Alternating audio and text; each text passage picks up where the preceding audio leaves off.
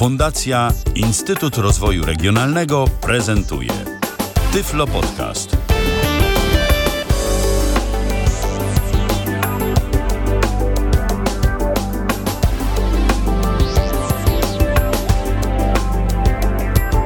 Minęła godzina 19, to jest Tyflo Radio. Słuchać nas możecie na stronie internetowej www.tyflopodcast.net bo Tyflo Radio mm, to jest element pierwszego polskiego podcastu dla osób niewidomych i mm, słabowidzących, czyli Tyflo Podcastu. Coraz więcej w Tyflo Podcaście audycji, także i tych z Tyflo Radia. No i to jest tak wzajemnie się przeplata, bo w Tyflo Radiu możecie słuchać audycji Tyflo Podcastu.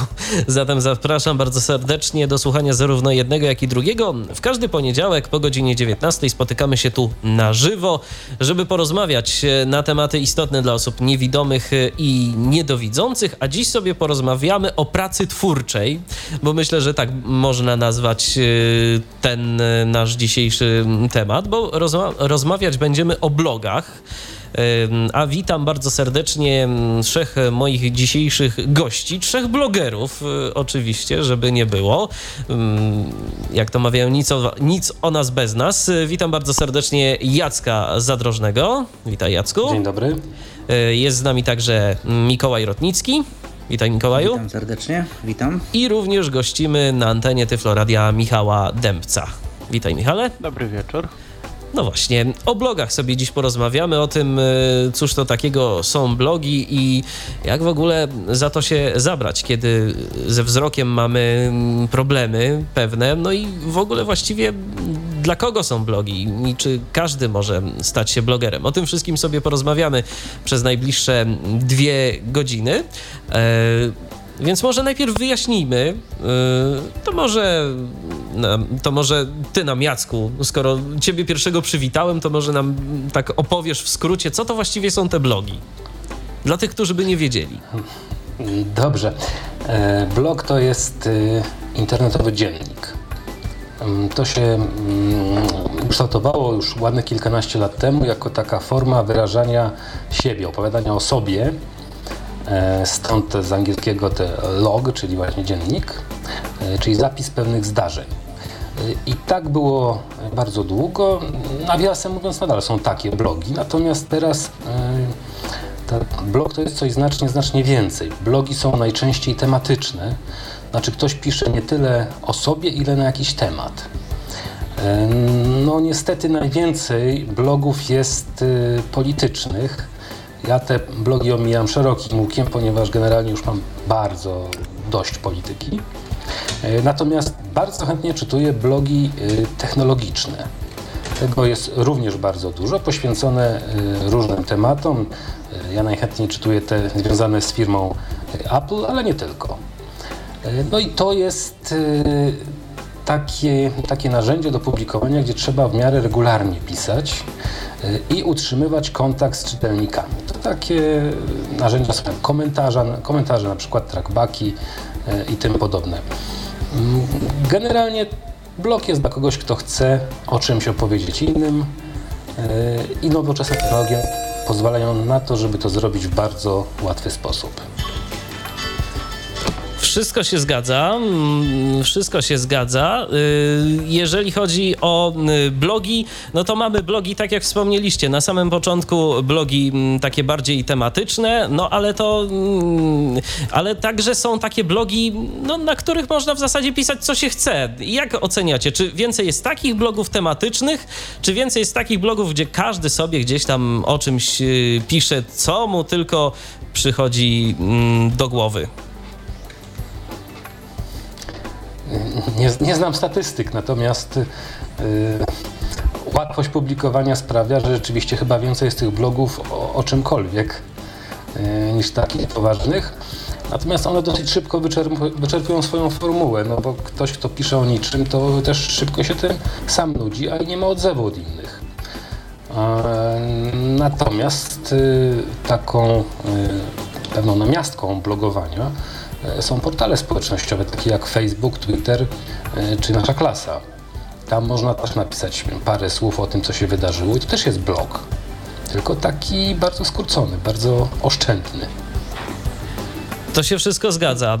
Y, a jak to jest z tą waszą aktywnością blogową? Wy tworzycie blogi tematyczne, to są blogi poświęcone jakimś konkretnym zagadnieniom. No i teraz y, myślę, że damy Jackowi na moment odpocząć.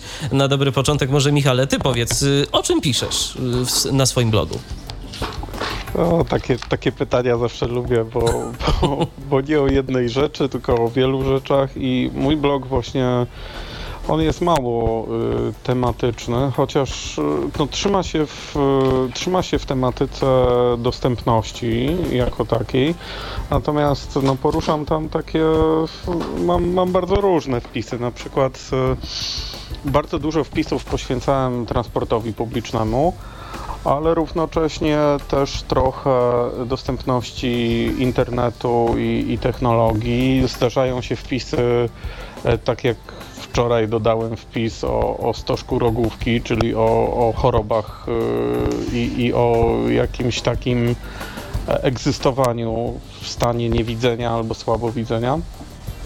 Więc to jest taki trochę, trochę miszmasz, natomiast y, on dlatego taki jest, że po prostu mam bardzo szerokie zainteresowania i, i staram, się, staram się doczytywać na różne tematy, no i, no i stąd się bierze taka różnorodność na tym blogu. E, kiedyś zacząłem prowadzić jeszcze innego bloga, który miał być taki bardziej o, o marketingu, promocji i tego typu ale no, pewnie zaraz tutaj powiemy o takim kluczowym czynniku, jakim jest czas. Czas jest tylko jeden i zawsze ma 24 godziny doba, cho choć czasem się aż w to nie wierzy. I chcielibyśmy, ale, żeby miała ale... więcej. Tak, i, i ciągnąć e, pracę, jakąś działalność jeszcze społeczną, jakieś dodatkowe projekty, plus jeszcze dwa blogi, to, to jest naprawdę e, mocny wysiłek, więc skoncentrowałem się na moim blogu, który sobie nazwałem moimioczami.pl no i tam się pojawiają wpisy, które, które,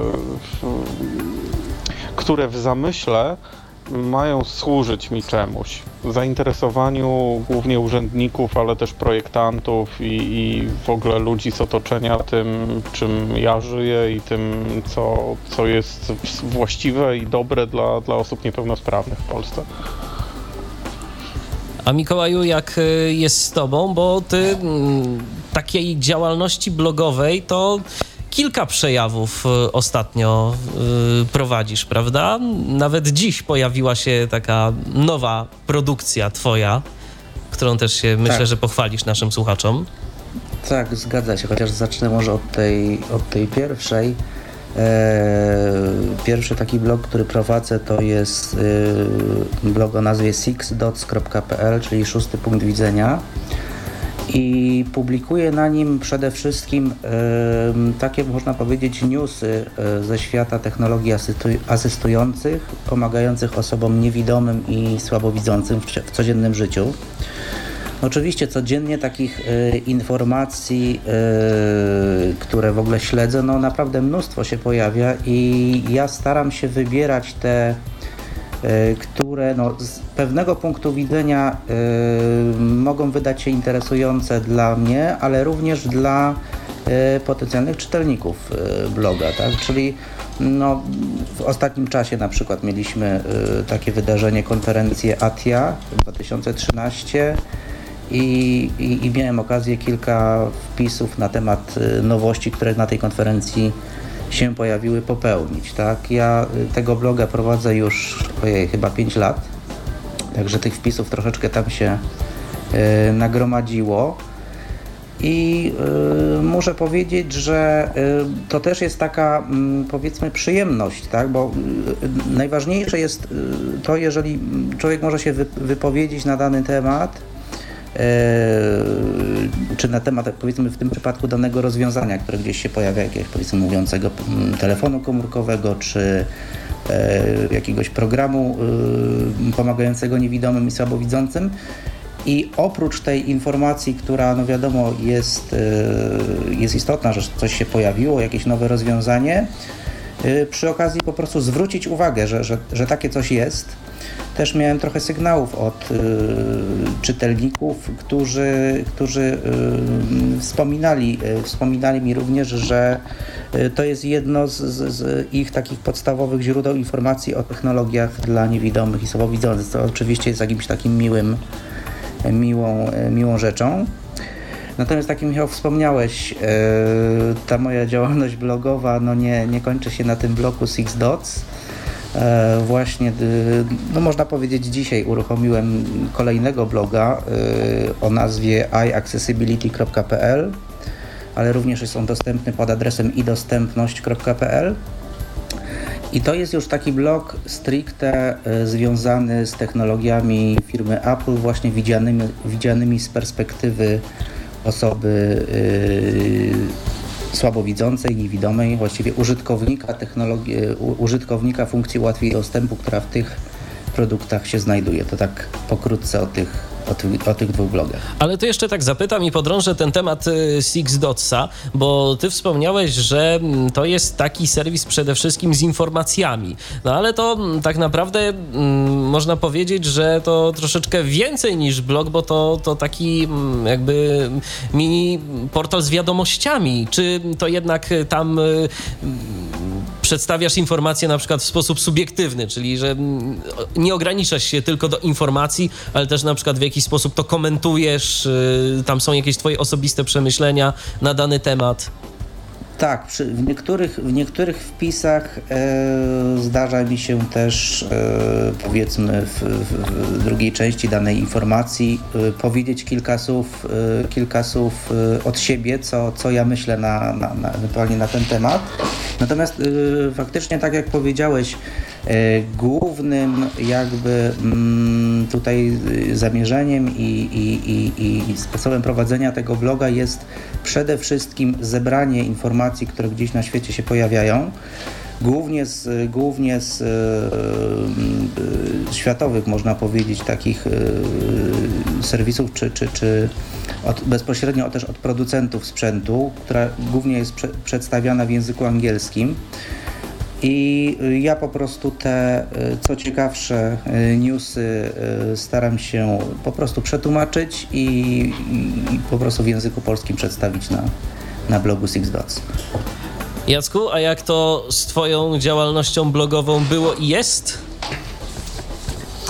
Um, no ja sobie dzisiaj właśnie przypominałem, jak to było. Tak przed audycją też opowiadałem tą całą historię usiłuję to jakoś chronologicznie ułożyć i myślę, że było to z grubsza rzecz biorąc tak.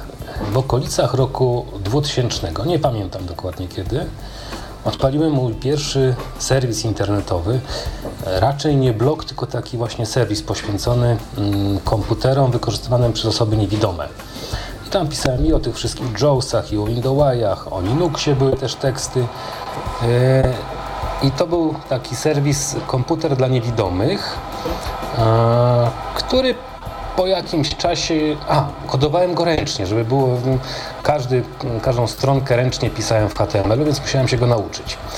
E, no i po jakimś czasie jakby formuła się wyczerpała, bo się nic specjalnie nie działo takiego, e, co, o czym warto byłoby pisać, bo w Polsce w pewnym momencie był bardzo duży zastój, jeżeli chodzi o, o tę technologię. E, potem miałem taki serwis, mm, no takich najbardziej typowy blog tak naprawdę. Pisałem o sobie i o swoich, e, no ja to nazwę szumnie może walką o walce z niepełnosprawnością i to się nazywało u mnie strefa mroku. E, no i starałem się o tym pisać, jakie są problemy, jak sobie można radzić, jak sobie czasem nie można da, dać rady. E, ten blog prowadziłem jakiś rok, po czym go skasowałem. Nie tak, że zawiesiłem go, tylko po prostu przejrzałem go i uznałem, że on raczej ludziom nie pomoże, tylko może ich wpędzać w depresję, więc go skasowałem.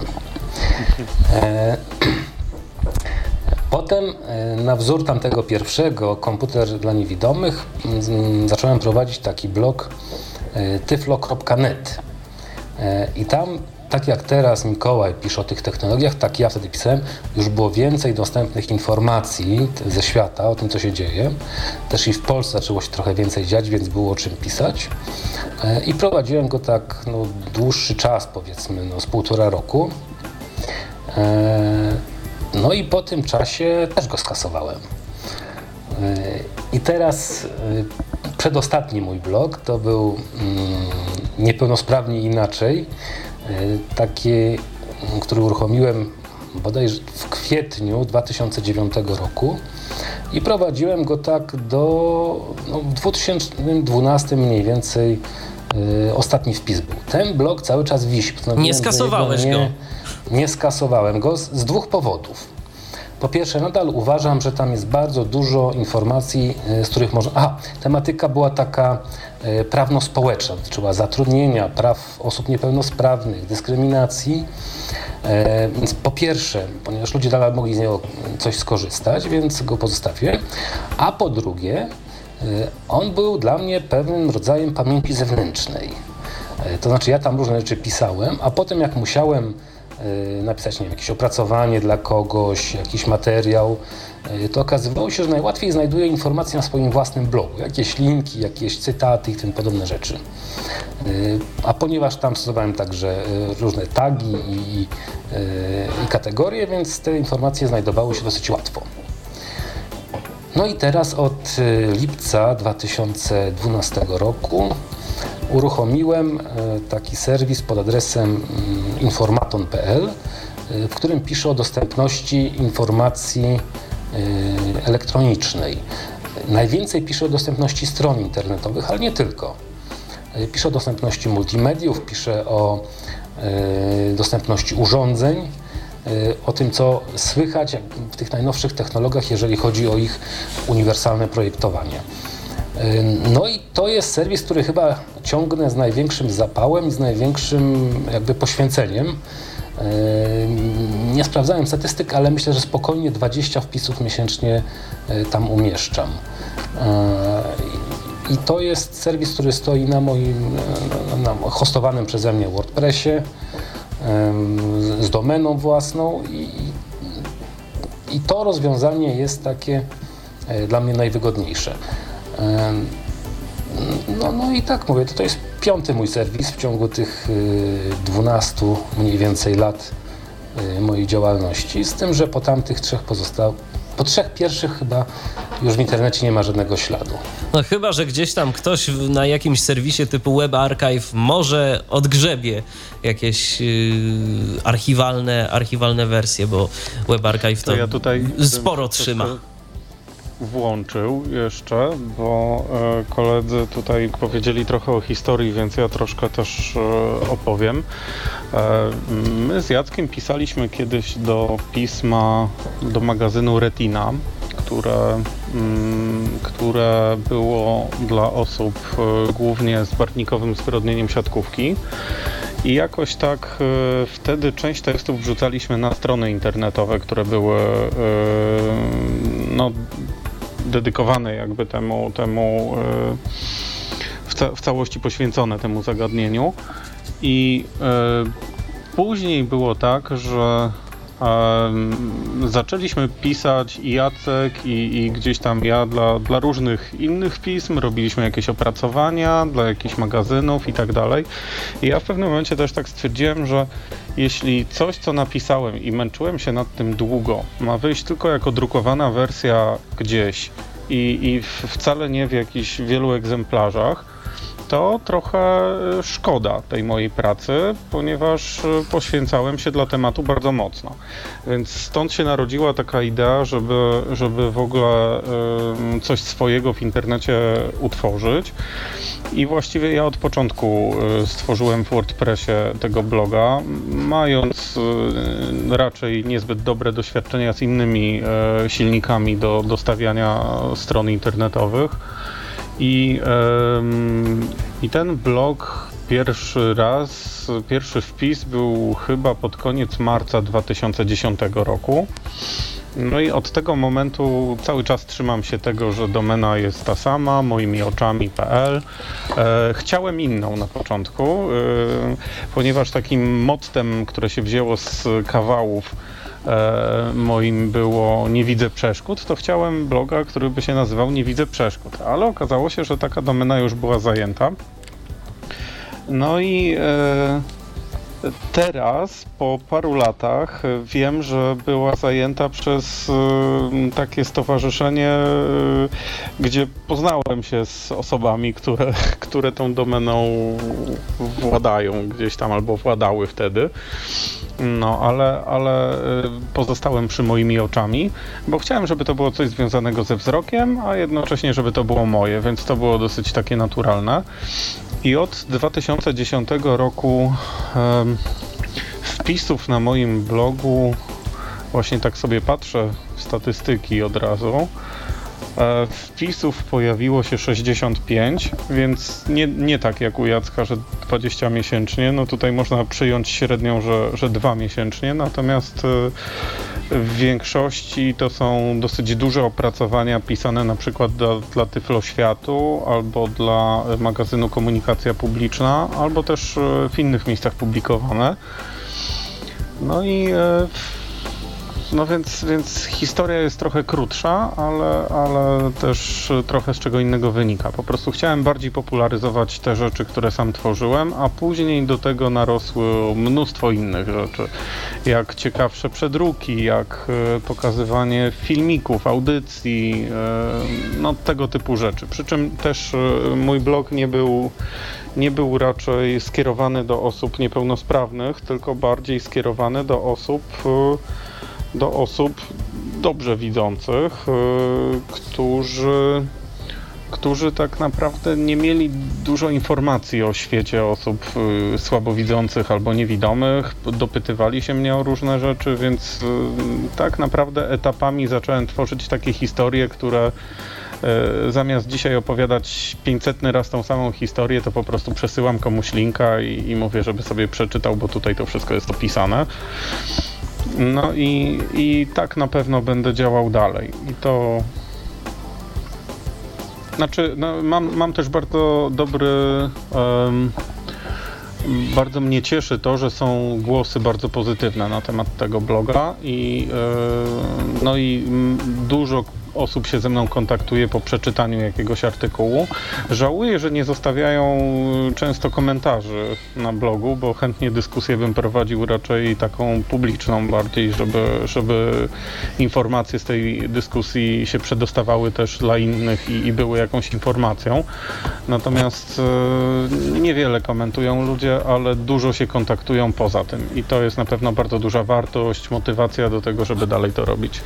I właśnie, skoro jesteśmy już przy komentarzach. Y, Mikołaju, mm, tym razem ciebie może zapytam, a jak y, w przypadku twojego bloga, w przypadku serwisu Sixdots, y, jak to jest z tą informacją zwrotną od czytelników? Czy ona jest duża, czy czytelnicy chętnie komentują, jakoś rozwijają te twoje wpisy? Bo to też chyba tak jest, że no, pisze się takiego bloga też po to, żeby zaobserwować jakąś reakcję czytelników na to. I to też y, po komentarzach czytelników możemy gdzieś tam również wyciągać jakieś wnioski. Czy w takim przypadku Twojego serwisu bardziej z konkretnymi informacjami to wygląda jednak inaczej? Ja powiem tak, no, y, y, za bardzo inaczej w porównaniu z tym, co mówił Michał Dębiec. Mam, mam trochę podobne właściwie doświadczenia jak, jak Michał. Głównie e, osoby kontaktują się mm, ze mną, czy to poprzez pocztę elektroniczną, czy poprzez jakieś tam wpisy na, na Facebooku, czy, czy, czy na przykład Twitterze. Yy, kontaktują się na przykład już po przeczytaniu artykułu. Oczywiście bywało, bywają artykuły, yy, które, znaczy wpisy na blogu, bywają takie, do których coś, ktoś na przykład chce coś dopytać albo, albo na przykład zwróci na coś uwagę, tak? I ja wtedy ewentualnie mam możliwość odniesienia się do tego. E, natomiast e, gro tych, tej, tego, tego, e, tej komunikacji zwrotnej jednak podobnie jak Michał mam czy to mailowo, czy to gdzieś tam na Skype'ie, czy to nawet wśród znajomych, których spotykam tu i ównie nawet po prostu jakby w realnym świecie, na przykład spotykają, o, ostatnio pisałeś o tym, czy, czy o tamtym i, i, i to na pewno jest bardzo ciekawe rozwiązanie, które się powiedzmy pojawiło, które opisywałem w danym blogu, tak? Więc ja też mam taką mm, powiedzmy świadomość tego, że przynajmniej od tych osób, które informują mnie, że, że, że dzięki temu, że napisałem jakąś informację o, o jakimś rozwiązaniu, które się pojawiło, dowiedziały się o tym w ogóle pierwszy raz i też miały okazję potem przekazać dalej tą informację do, do kolejnych swoich znajomych i, i powiedzieć im, że, że ja o czymś takim napisałem. Także podobne doświadczenia jak, jak, jak, jak Michał. E, natomiast dosyć właśnie jest duży ten, ten tak zwany feedback no, poza akurat blogiem. Ja w międzyczasie jeszcze. Ja, tutaj jeszcze no. ja w międzyczasie jeszcze dodam, że uruchomiłem naszego radiowego Skype'a o loginie tyflopodcast.net. Piszemy tyflopodcast.net. Można także dzwonić do, do, nas za pomocą naszego numeru telefonu z krakowskiej strefy numeracyjnej 123 834 835. Można dzwonić, jeżeli ktoś chciałby o coś zapytać, a może jacyś blogerzy również nas w tym momencie słuchają i chcieliby także jeszcze coś dodać do tej naszej dzisiejszej audycji, bo przypominam, że o blogach właśnie rozmawiamy. Już Michale oddaję Ci głos. Mhm. No, przepraszam, że wskoczyłem w, w zapowiedź. E, wiesz co, bo tak chciałem jeszcze powiedzieć, że e, wiesz co, feedback, który jest od czytelników, jest taki czasami naprawdę fajny i, i warto o nim coś więcej powiedzieć. E, napisałem kiedyś na blogu na temat, e, na temat strony logowania e, w banku BZWBK, gdzie zrobiłem wręcz zdjęcie, jak wygląda to logowanie e, w trybie dużego kontrastu. No i ono było tam rozjechane, ogólnie no, no na, nawet poprosiłem kolegów, żeby napisali ścieżkę kodu, która by to mogła naprawić i tak y, miałem nadzieję, że kiedyś to wyślę gdzieś tam do WBK, żeby oni to poprawili. No i tego samego dnia, jak, e, jak artykuł się ukazał, e, pojawił się komentarz e, od pracownika, który, który gdzieś tam był zaprzęgnięty w ten serwis i no, z, z takim podziękowaniem za to, że, że taką ścieżkę kodu w ogóle opublikowałem i że oni to sprawdzą i wdrożą. No trochę, trochę to trwało, bo tam chyba z dwa tygodnie, ale zostało to wdrożone i znacznie poprawiło dla mnie logowanie, więc y, to był jeden z takich przykładów. Innym razem było tak, że bank PKO BP y, zmienił swój serwis i, i zrobiła się wielka wrzawa, że ten serwis nagle dla osób niewidomych stał się zupełnie e, niedostępny czyli stracili dostęp online do swoich pieniędzy. No i gdzieś tam mnie też wkurzyła ta informacja, więc, więc też wrzuciłem na bloga, co o tym myślę. No i konsultant jakiś z PKO na dole napisał komentarz, e, że, że no tak, że oni przepraszają, że, że już nad tym pracują, nad rozwiązaniem i tak dalej, i tak dalej. Także, także to jest niesamowite, że no, banki to są instytucje, które mają gdzieś tam ustawione powiadomienie, że, że ich nazwa występuje w jakimś kontekście w internecie. Znaczy tak mi się wydaje, ponieważ nie sądzę, żeby wszyscy kurczę, bankowcy czytali moimi oczami.pl, ale, no, ale ten feedback był naprawdę fajny. Nie mówiąc o tym, że po wielu artykułach kontaktowali się ze mną różni ludzie, z którymi później też fajne rzeczy udało się razem robić, projektować i tak dalej. I, I, na przykład podam tutaj Piotrka, z którym byliśmy u Ciebie, Michale, w audycji na temat transportu. Piotrek, który jest e, no, teraz w Urzędzie Transportu Kolejowego.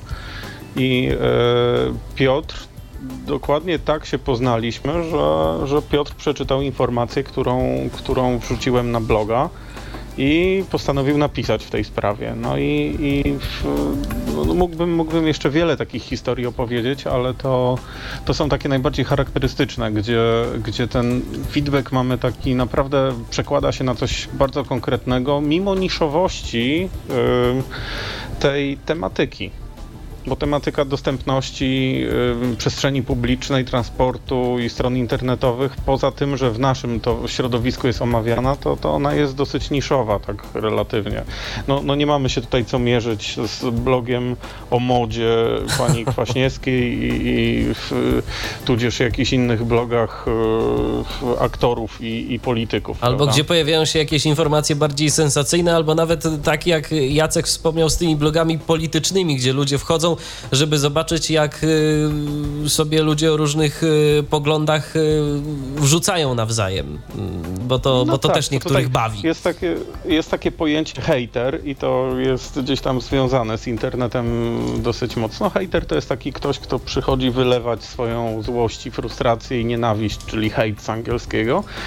I, I to jest zmora wielu blogerów, takich, którzy bardzo szeroko właśnie są rozpoznawani i, i oni walczą z tymi hejterami. No my na blogach chyba aż takich y, nie mamy akcji, chociaż, chociaż też znamy wiele takich hejterskich akcji z różnych forów y, środowiskowych i, i Michał, grup e, dyskusyjnych. jeżeli mogę, e, Już kończę. spróbujcie sobie znaleźć e, taki wpis u mnie na blogu, który, się nazywa, który ma tytuł Komputer dla Homera 2011, czyli Marzenia Nieziszczalnej. Przeczytajcie sobie 40 komentarzy pod nimi. To był chyba najbardziej komentowany w ogóle to y, będziecie tekst. wiedzieć, co to znaczy hejterstwo. Y, Także ja po tych doświadczeniach, które miałem między innymi z tym wpisem, ale też zyskałem prawdziwego fana, który twardo pisał komentarze podpisując się XYZ. Y, Więc na mojej nowej stronie wprowadziłem już komentowanie, ale nie anonimowe. Trzeba zalogować się albo loginem z Twittera, albo z Facebooka, ewentualnie y, z WordPressa. Y, Ale nie ma już anonimowych komentarzy u mnie, bo e, no, jeżeli by się z tym nie spotkaliście, to, to gratuluję. Natomiast ja niektóre komentarze jak czytam, to one są no, bolesne. Powie- No, naprawdę było to duża przykrość dla mnie czytać je. Ja że Znaczy, wiesz ja co, ja, ja bym chcę. je kasował, nie? Ja bym je kasował, bo, bo nie, nie po to mój blog gdzieś tam jest płaszczyzną do, do e, dowiadywania się różnych rzeczy, żeby ktoś na tym coś napaćkał i, i może mi ktoś mówić, że, że cenzurę stosuje, ale tak naprawdę no, to, jest, to jest moja powierzchnia, to jest mój blog i myślę, że to, że gdybym kasował takie rzeczy, to zniechęciłbym hejtera prędzej czy później do tego, żeby, żeby mi coś głupiego mazał, no. Znaczy każdy może mieć e, inne zdanie, prawda? Tylko mówimy o pewnej kulturze przekazywania tego innego zdania. Ja może pozwolę sobie zacytować początek tego pierwszego komentarza. To idiota Tusek i Rostowski okrada dzieci, biedaków i, i tak dalej, i tak dalej. I tutaj i dzieci, bo nie strajkują i można ich łatwo okraść. I debili i tak. No, zresztą zajrzyjcie sobie, bo to naprawdę jest ciekawa socjologiczna lektura moim zdaniem. E, I dlatego ja nie usunąłem jednak tych komentarzy. Tak, 40 komentarzy mam do tego wpisu. Ale one nie są akurat osobiście do mnie, znaczy częściowo, ale y, bardziej to chodzi o takie wyplucie swoich żali, jakichś frustracji tutaj. No, ktoś znalazł miejsce, to hejterstwo. wpisał. Tak. No, ty, typowe hejterstwo. No niestety i tacy, i tacy się zdarzają, ale Jacku, skoro już y, także głos zabrałeś, czy y, jak to u ciebie jest z tymi komentarzami? No pomijając właśnie takie anonimowe, mm, hejterskie, które w zasadzie nic y, nie wnoszą do dyskusji, tylko po prostu to jest takie mącenie wody i tak naprawdę i tak nic z tego nie wynika, ale chyba nie tylko takie się pojawiają, rzeczowe się pojawiają również, prawda? Y, Prawdę mówiąc, y, od kiedy wprowadziłem y, obowiązek y, logowania do, do, do, do komentowania, wszystkie komentarze są merytoryczne. To bardzo pomogło na poziom komentarzy, naprawdę bardzo mocno. Jest ich znacznie mniej. Na tym moim serwisie mam ich bodajże łącznie 48, więc to jest y, prawie że tyle, co pod tym jednym wpisem tutaj miałem. Y, Natomiast one wszystkie są merytoryczne. To jest y, dyskusja, gdzie można wymienić się, można się nie zgadzać, ale coś można wnieść do tematu. Także ja sobie bardzo chwalę ten, y, ten system, który zastosowałem. Jednak ta konieczność podpisania się z imienia i nazwiska jakoś tak trochę mobilizuje bardziej do tego, żeby no, mimo wszystko nie pisać y, byle czego. Wiesz co, jeszcze, jeszcze jeden problem jest, bo y, wszyscy blogerzy albo każdy webmaster, który swoją stronę prowadzi, walczy jeszcze z innymi rzeczami, jeżeli chodzi o komentarze, to znaczy ze spamem ordynarnym, tak. czyli, czyli z robotami, które wiesz, y, żeby wypozycjonować jakiś serwis, dodają jakieś jakieś kretynizmy. Ja przyznam, że za pierwszym razem jak dostałem komentarz, to się nawet nie kapnąłem, że to jest spamerski, ponieważ komentarz pisał bardzo ciekawy artykuł. Przeczytam go ponownie. I tak sobie pomyślałem, to, to bardzo miło, że ktoś mi tak napisał i dopiero kiedyś ktoś mnie uświadomił, dlaczego ten ktoś podpisał się tam sklep z czymś tam i podlinkował do swojej domeny i, i wtedy dopiero wiedziałem o co chodzi. Mm, jest takie narzędzie w WordPressie, którego używamy do tego, żeby niwelować takie spamerskie komentarze y, i, i, no i stosujemy to, natomiast y, to nie działa w 100% z mojego doświadczenia i, i bywa tak, że muszę ręcznie kasować komentarze, które gdzieś tam no, służą jakiejś lipnej, lipnej promocji innej strony, więc to no to ja powiem z własnego doświadczenia, że mm, kiedyś jeszcze, kiedy Tyflo Podcast stał na poprzednim systemie, to tam była w ogóle mm, ręczna moderacja komentarzy. No i mm, miałem kilka takich najazdów y, automatów spamerskich. No to takie automaty działają mniej więcej w ten sposób, że przejadą się po każdym wpisie i próbują zostawić jeden albo dwa komentarze. Ale co ciekawe, to już te komentarze zaczynają naprawdę być coraz to yy, bardziej yy, takie sensowne, że jeżeli ten kto komentuje, podpisałby się jakimś normalnym nikiem, to znaczy nie jakimś ta, takim naprawdę składającym się z losowej kombinacji liter i cyfr, y, no to podejrzewam, że y, no, taki komentarz można by pomyśleć, że, że to żywy człowiek napisał. Swoją drogą, y, wiecie y, skąd to się bierze? Dlaczego to są takie komentarze, które nic nie promują? Ja, ja zauważyłem coś takiego a propos, yy, że pojawiają się takie komentarze, w których to yy, pojawiają się jakieś no, zdania, ale na przykład w tym zdaniu jedno słowo jest przekręcone. Na przykład zamiast słowa zrobić pojawia się słowo rzobić. Ktoś, ktoś z was ma jakąś koncepcję, dlaczego, czemu takie komentarze mają służyć? To jest jakieś pozycjonowanie? To znaczy, tak, tak, to jest jakby związane z tym, że yy, wiadomo, serwisy typu, typu WordPress, tak, one jakby jak jeżeli właśnie działają w taki sposób, że, że umożliwiają komentowanie dowolnej osobie, to tak zwane roboty, tak? Roboty, które służą temu, żeby rozmieszczać, rozsiewać po prostu po internecie mm, treść, a właśnie w takich celach pozycjonerskich, tak, czyli w tych celach SEO, one po prostu y, mają przygotowane z góry teksty, tak? I to nawet nie muszą być teksty całościowe, ale mogą być to słowa albo powiedzmy zdania, tak? I y, po prostu taki, taki robot y, te zdania sobie y, losuje, tak? Y, I składa z tego jakieś teksty i wysyła na danego bloga, tak? Rejestruje się na nim i, i po prostu dorzuca. To są takie typowe, typowe y, automatyczne zagrania. Oczywiście za tym gdzieś tam daleko, daleko stoi oczywiście człowiek, tak, który takie teksty przygotowuje. I przede wszystkim służy, służy po prostu przygotowywaniu takich treści głównie pod y, jakieś pozycjonowanie. Ja wam przeczytam jeden komentarz, który, który kiedyś musiałem ręcznie usunąć, ponieważ system go y, przepuścił, myśląc, że to prawdziwy komentarz, a, a nie spam. No ja tutaj miałem większe y, opory i, i, gdzieś tam przeanalizowałem, że to raczej spam, więc y, tu chodziło o promocję jakiegoś tam serwisu ze zdjęciami czy coś tam i, i komentarz brzmi tak. I y, od razu powiem, że to jest y, komentarz do mojego takiego długiego na, na 30 tysięcy znaków e, artykułu o e, artykułu w krainie dużego kontrastu. I e, tak brzmiał komentarz. Pięknie wszystko reprezentowałeś, jednakże nie zakładasz, że troszeczkę za bardzo ogólnikowo potrafiłeś więcej skupić się na tym temacie bardziej. Drukuje mi się, że chodziłeś bardziej na sumę aniżeli kategorię.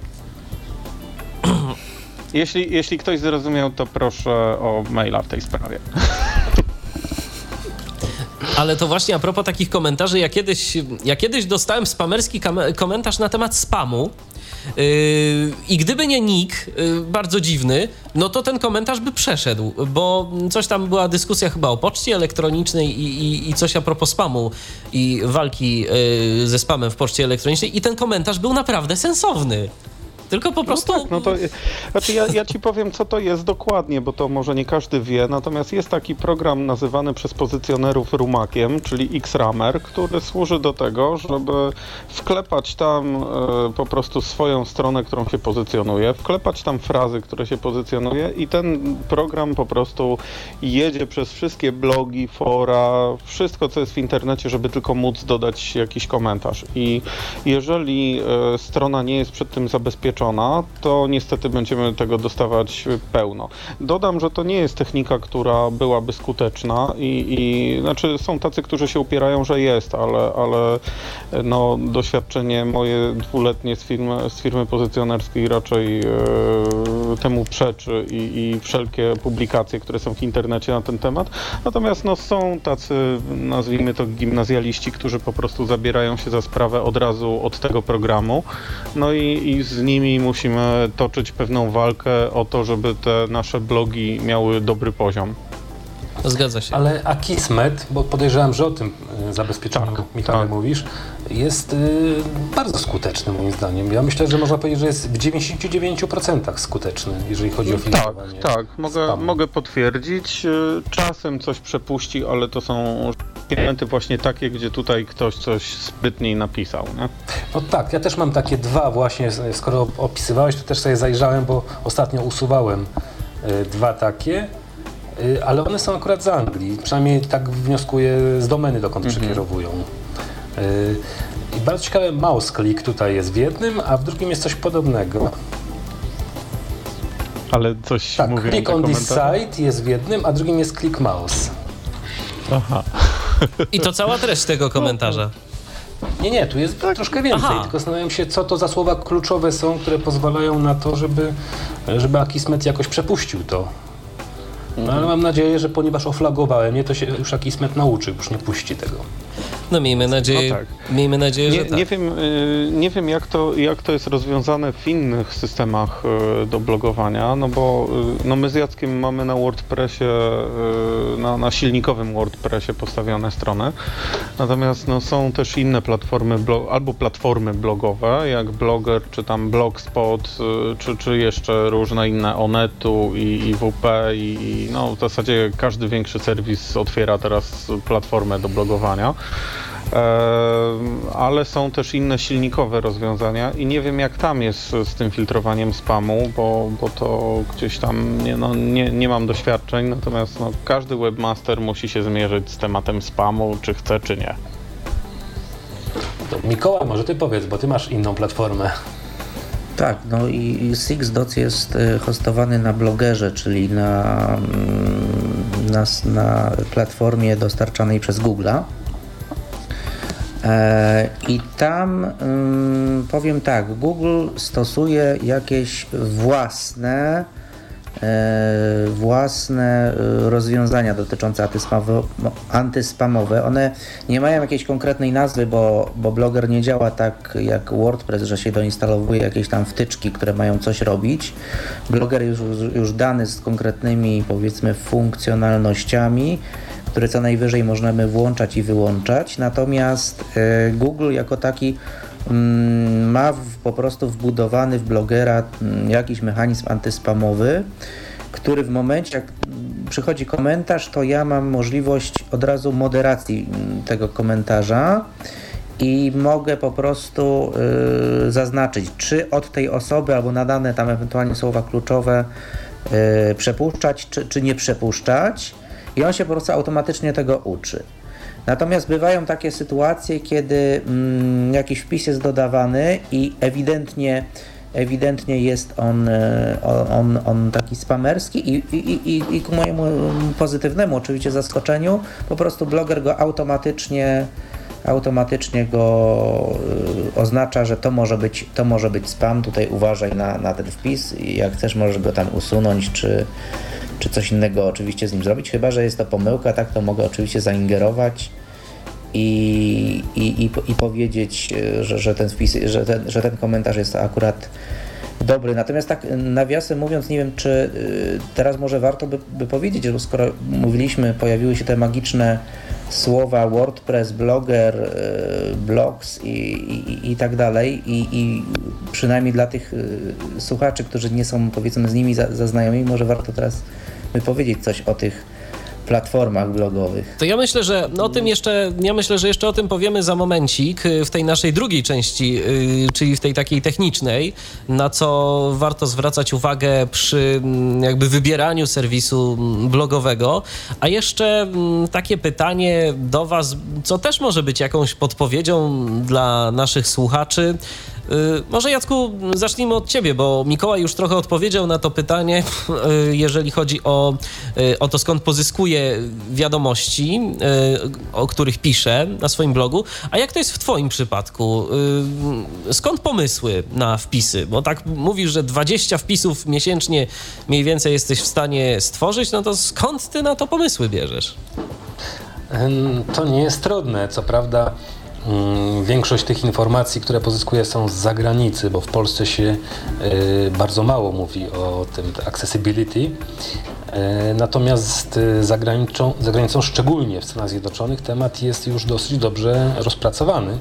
Więc ja mam kilka narzędzi do pozyskiwania tych informacji. E, po pierwsze mam zasubskrybowane e, trochę kanałów RSS, takich wybranych serwisów, nie tak, że, że co, co mi wpadnie w rękę, to, to subskrybuję, bo, bo inaczej bo bym się w tym nie odnalazł, gdybym tak robił. E, więc to jest jedno źródło. Mam tych źródeł, mam tych RSS-owych źródeł jakieś 10 może, może trochę więcej. Um, drugie Jeszcze źródło, powiedz, które... powiedz więcej, co to jest RSS, bo nie każdy wie. E, zawsze mam kłopot, żeby to wyjaśnić, co to jest. E, no, mm, technicznie rzecz biorąc, jest to pewna aplikacja XML-owa, która pozwala na e, publikowanie mm, informacji o najnowszych wpisach. O tak bym to powiedział. W praktyce oznacza to, że gdzieś tam w internecie wisi sobie plik z rozszerzeniem XML albo RSS, który może być interpretowany przez różne klienty, na przykład przez e, przeglądarkę internetową, wyświetlając no, taki jakby skrót, streszczenie informacji z bloga. E, natomiast zawartość RSS-ów jest bardzo różna, bo gdzie niegdzie podaje się tylko e, tytuł plus jakiś krótki lead, Y, u mnie tak jest. Nie, przepraszam, u mnie już sobie to przełączyłem, ale do niedawna tak było. Y, gdzie nie gdzie, co ja osobiście bardzo lubię, y, robi tak na przykład AntyWeb. Publikuje się całe artykuły w RSS-ach, wtedy używam do czytania AntyWeba, ja nie używam w ogóle praktycznie przeglądarki internetowej, tylko czytnika RSS-ów na iPhone'ie. Natomiast ja swoje subskrybuję w zakładkach, jak one się nazywają, te w Firefoxie, aktywne zakładki? Dynamiczne. Dynamiczne. Dynamiczne zakładki. zakładek, tak, dynamicznych zakładek. E, próbowałem różnych klientów e, i chociaż dynamiczne zakładki też mają swoje wady, to jednak do nich jakoś najszybciej mi dotrzeć, bo przeglądarkę mam prawie cały czas otwartą. Mhm. Drugim rewelacyjnym narzędziem, które doceniłem całkiem niedawno, to jest Twitter. E, gdzie e, też sobie subskrybuję pewnych bardzo konkretnych e, nadawców. Mam specjalną listę utworzoną i to są tacy ekskluzywni nadawcy, że tak powiem. Tacy, którzy publikują najbardziej wartościowe moim zdaniem rzeczy. Ale mam też założone takie takie wyszukiwania, no, no nie, nie wiem jak to się fachowo nazywa, ale takie na tak, na tak zwane tagi. Na hasła. Jak rozumiem, tagi, tak? Tak. Y, chociaż przyznaję, że, że tak nie są tu niezbędne, ponieważ Twitter potrafi robić wyszukiwanie nawet bez hashtagów. Y, także tak naprawdę te, te hashtagi nie są niezbędne do tego, żeby sobie to, te informacje filtrować. Więc też mam dwie takie oddzielne listy y, na to. No i korzystam z czegoś, z takich aplikacji na iPhone'ie, których ja nie umiem dokładnie opisać, o co w nich chodzi, To jest Flipboard i do niedawna Tide. Napadałem doszło kłopot z wyjaśnieniem, jak to działa. No, generalnie to jest taka jakby gazetka, która dostarcza mi informacji na zadany temat. Innymi słowy, wpisuję jakieś hasło, które mnie interesuje, a ta gazetka, za każdym razem jak to dostarcza mi jakichś artykułów związanych z tym tematem. Czyli to nie jest ani RSS, ani Twitter, tylko coś jeszcze zupełnie innego. E, przy czym Flipboard jest y, bardzo fajny, natomiast Zeit podobał mi się znacznie bardziej, dopóki go nie zepsuli, jeżeli chodzi o, y, pod, pod względem dostępności. Yy, nie wiem dlaczego, po prostu lepiej mi się z nim pracowało niż z flipboardem. Yy, I to są takie moje trzy źródła podstawowe yy, informacji, jakie zdobywam tej, tej, z tego świata zewnętrznego. No oprócz tego oczywiście publikuję swoje własne rzeczy, takie ostatnio nawet zacząłem publikować trochę kodu związanego z technologią ARIA, bo, ostatnio, bo strasznie mi się technologia podoba, jest coraz lepiej implementowana, chociaż mam zamiar też napisać krótki tekst na, te, na temat, jakie może zagrożenia wprowadzać też ARIA. Yy, ale w każdym razie chcę pokazywać także takie gotowe przykłady, jak wykorzystywać HTML5 i, i ARIA do tego, żeby tworzyć dostępne e, aplikacje webowe. No, a w dobie interfejsu Metro Windowsa 8 to to się może bardzo przydać, bo tam, tam e, sporo rzeczy. Nie tylko, nie tylko. No, mm, HTML i ARIA wykorzystuje się do interfejsów mobilnych, zarówno w iOSie, jak i w Androidzie. Nie wiem, jak jest w innych, ale w tych na pewno. Także napi dobrze napisana strona, taka, taka, taka aplikacja webowa, będzie, się, będzie bez problemu obsługiwalna też na platformach y, mobilnych. To się... Także, no, no, mhm. no, a zagrożenia, to ja tak krótko jeszcze zapowiem, bo tekst mi się już układa w głowie, ale tak sobie pomyślałem, że ktoś niedouczony, jeżeli chodzi o ARIA, y, może używać tego nieumiejętnie, czego mamy niestety efekty na portalu y, Google+. Y, że tam jest tej ARIA napchanej po prostu no, nie, nie, nie do przekopania tylko ona jest przeważnie w 90% źle zrobiona. W związku z tym zamiast podwyższyć dostępność, ona obniża dostępność tego serwisu. I naprawdę tak to działa. Ja, ja to postaram się mm, opisać niedługo, ale, yy, ale tak mówię, to są te tematy, które jakby mm, przetwarzam sobie w kodzie, przy, mm, układam sobie w głowie pewną taką, e, takie na myśli układam i potem opisuję to.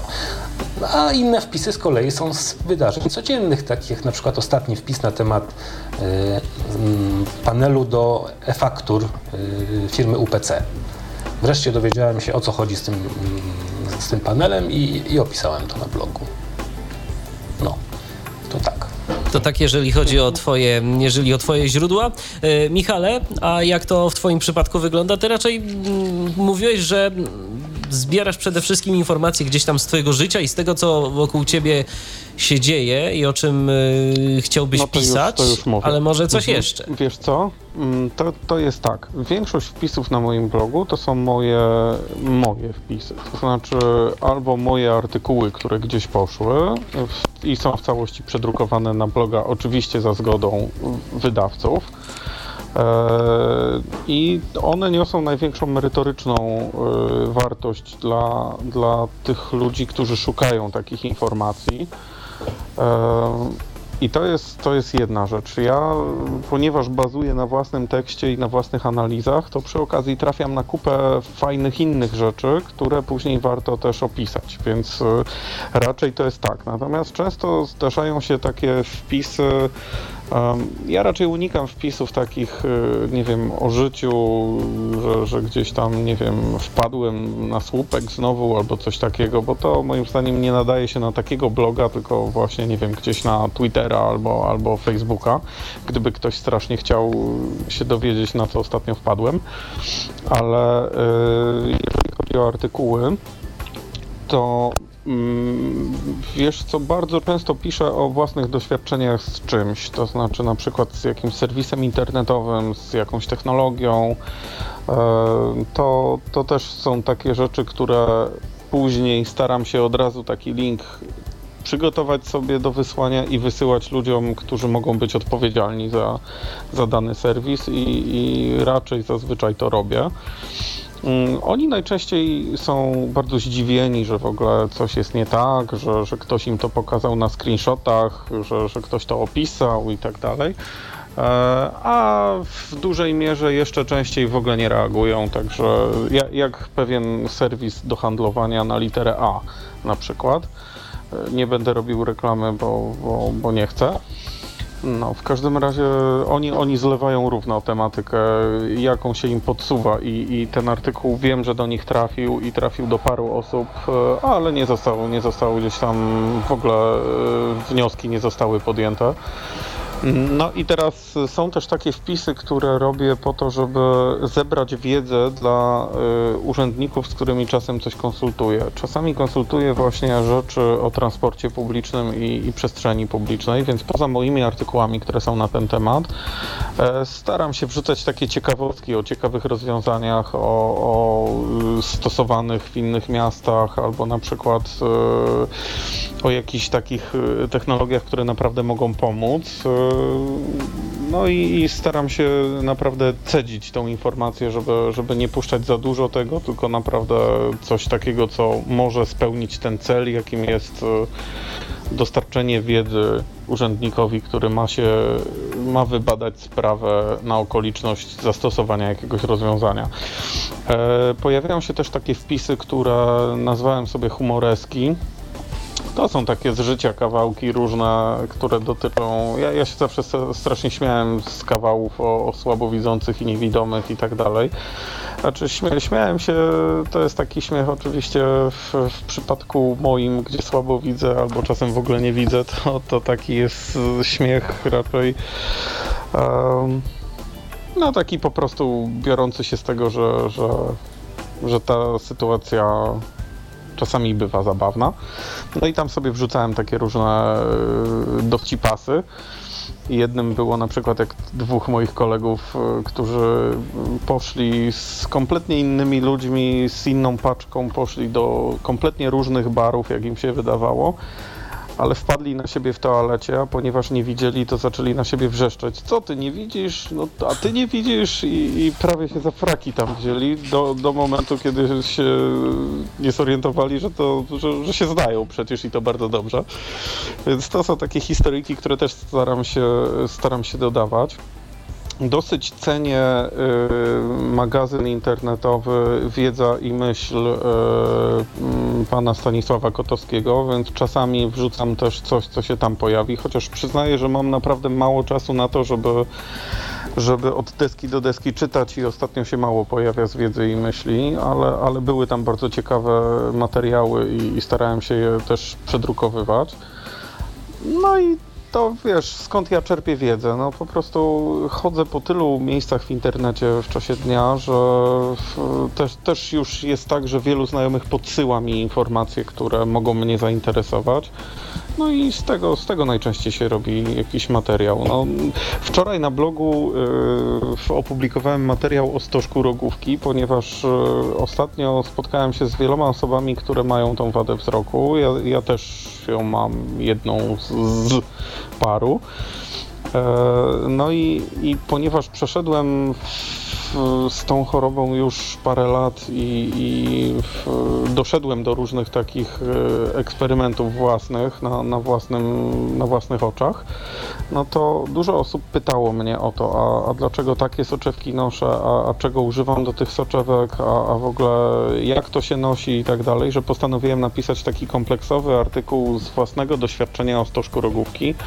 No i puściłem go w świat, ponieważ ja w własnym otoczeniu znam może 8 osób, które mają tą wadę. I to nie są osoby niepełnosprawne najczęściej, to są, to są po prostu znajomi znajomych. Mikołaju, a jak w Twoim przypadku? Tylko jakieś portale informacyjne, czy jeszcze właśnie jakieś chociażby media społecznościowe, jak na przykład Twitter? Z czego ty pozyskujesz informacje? Też, też. To znaczy y, głównie są to, głównie są to różnego rodzaju serwisy mm, zagraniczne, mm, natomiast y, też dostaję informacje bezpośrednio od firm, które wypuszczają produkty, czyli bezpośrednio na maila. Z tego właśnie względu właśnie mm, mógłbym też jeszcze się odnieść do tej kwestii tego feedbacku, czyli tego komentarza bodajże dwie albo trzy firmy kiedyś na po prostu po słowach kluczowych y, nazwy własnego produktu zgłosiło się do mnie i, i po prostu byli mm, w pewnym sensie zaskoczeni, że gdzieś tam w jakiejś odległej Polsce ktoś pisze o ich produkcie, tak, dla, dla niewidomych czy słabowidzących i po prostu się zapytali, czy, czy mogą mi jakieś takie yy, nowości od nich podsyłać. Ja mówię jak najbardziej, odpowiedziałem i po prostu te firmy bezpośrednio do mnie przysyłają, yy, przysyłają takie, nazwijmy to swego rodzaju newslettery, ale właśnie takie nazwijmy to, taka jakby informacja prasowa, tak, kierowana bezpośrednio, bezpośrednio na mój adres e-mail. I no, na podstawie takiej informacji, którą ja się jestem w stanie wcześniej zapoznać, mogę, mogę coś tam przedstawić. Notabene zdarzyło mi się um, kilka razy um, taka ciekawostka, że dystrybutor, e, dystrybutor sprzętu i oprogramowania rehabilitacyjnego w Polsce z mojego bloga dowiedział się o nowym produkcie firmy, który, który, której produkty on dystrybuuje. Nie powiem kto. Okej. Okay. No w każdym razie to rzeczywiście, no, to też jest ciekawe, że sami producenci po prostu przysyłają informacje, no bo też im zależy gdzieś tam na promocji, że, a myślę, że ten rynek y, takich serwisów y, informujących o technologiach dla osób niewidomych i niedowidzących, no to wcale nie jest duży. No, w Polsce szczególnie, mm, powiedzmy w Stanach Zjednoczonych, no jest może troszeczkę większy, bo tam, bo tam jest y, nieco tych serwisów, ale też nie ma jakiejś takiej przesadnej tego ilości. Tak, zgadza się. No. Mhm. Przepraszam.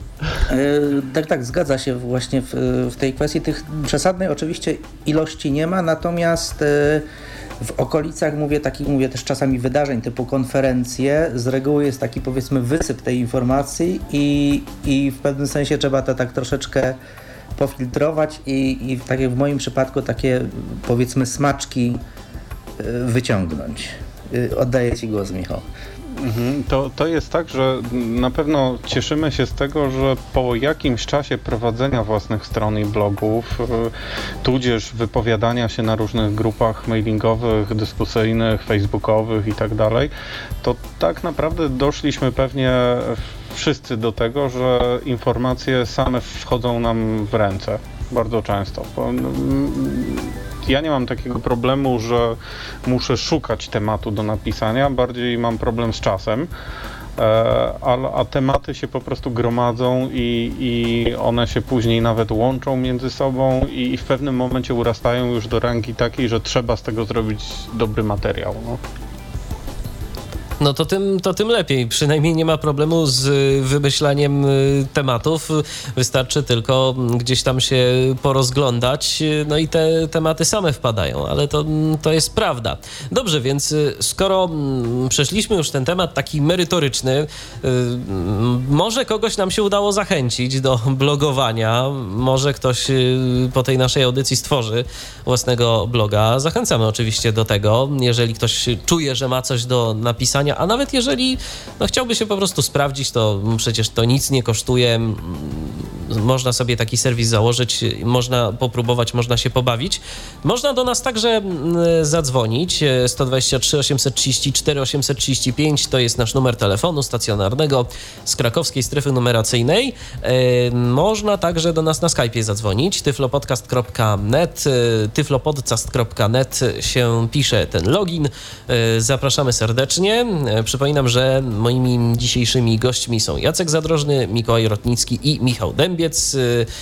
E, wszyscy trzej prowadzą własne blogi i właśnie blogi są tematem dzisiejszej audycji Tyflo Podcastu na żywo, na antenie Tyflo Radia. E, jeszcze mam w zanadrzu jeden materiał z Magdą Szyszką, który nagrałem. Magda niestety dziś nie mogła pojawić się na żywo na antenie w naszym programie, ale myślę, że ten materiał zaprezentujemy później, bo no, to jest też dosyć obszerny materiał, jak tak widzę teraz po czasie jego trwania, więc y, może przeznaczymy go na koniec naszej audycji. A teraz jeszcze porozmawiajmy o tym aspekcie technicznym. Y, Jacku, ty jako użytkownik y, całkowicie niewidomy, to najpierw zapytam ciebie. Ty miałeś duży problem z wyborem systemu blogowego, z wyborem narzędzi, za pomocą których jesteś w stanie wygodnie sobie stworzyć taki serwis? Mm, no i tak i nie. E, z jednej strony mm, rzeczywiście sprawdzałem kilka różnych platform e, blogowych, ale e, de facto poza tym pierwszym zupełnie serwisem, który jak wspominałem pisałem ręcznie kod HTML i to wrzucałem za pomocą FTP na serwer, to potem mm, robiłem wyłącznie na WordPressie. Trzykrotnie robiłem to na WordPressie postawionym samodzielnie. To jest stosunkowo prosta procedura, chociaż nie wiem, czy bym ją polecał takim zupełnie osobom początkującym. Myślę, że lepiej na początek użyć czegoś innego.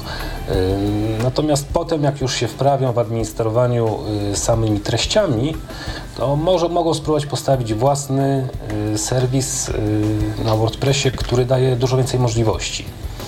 Y, natomiast w międzyczasie używałem też, wtedy kiedy się trochę zniechęciłem do samodzielnej konfiguracji, wtyczek, skórek i tym podobnym w WordPressie, skorzystałem z platformy blogowej WordPress.com. To jest taka platforma olbrzymia, tam są miliony blogów. Podejrzewam, że większość jest martwych, ale nawet tych żywych jest bardzo, bardzo dużo. Y, I tam ma się właściwie gotową infrastrukturę do tego, żeby publikować. Właściwie zakłada się konto i można za chwilę pisać. Y, natomiast trzeba sobie zdawać też sprawę z pewnych ograniczeń tej platformy. Pierwsza to, że można korzystać tylko z tego, co oferuje ta platforma. E, nie można wgrać własnych skórek, nie można wgrać własnych wtyczek. E, szczególnie to drugie jest dotkliwe, chociaż skórki też jest, są problematyczne. Ja e, jakiś czas poszukiwałem skórki, która by chociaż minimalne wymagania dostępności spełniła i nie znalazłem. W końcu machnąłem na to ręką i, i publikowałem no, w takiej, jaka, jak, ona była jakoś tam dostępna, ale ale jakby dla mnie jako e, zwolennika dostępności takiej głębokiej, no to było niewystarczające. Ma ta platforma jeszcze jedną, e, dla mnie przynajmniej bardzo dużą wadę, a mianowicie blog jest częścią całej struktury blogowej, co najbardziej widać jak się tworzy kategorie i tagi przy wpisach. Y, jeżeli mamy zupełnie indywidualne tagi, co się rzadko zdarza, to pół biedy. Natomiast jeżeli mamy tag, który wykorzystał ktokolwiek inny, to y, odwiedzający klikając w taki tag, czy, taki, czy taką kategorię, zobaczy wpisy z innych blogów, które są tak samo otagowane. Y, I trzeba sobie z tego od razu zdawać sprawę. Natomiast narzędzia. WordPress daje możliwość pisania Y, bezpośrednio ze strony internetowej w panelu administracyjnym i na szczęście daje możliwość pisania albo za pomocą edytora wizualnego, co jest y, dla osób niewidomych praktycznie niedostępne. Na tyle jest nieefektywne, że uważam, że tego nie należy robić. Albo pisać używając znaczników y, HTML. To wymaga poznania trochę HTML-a, niestety.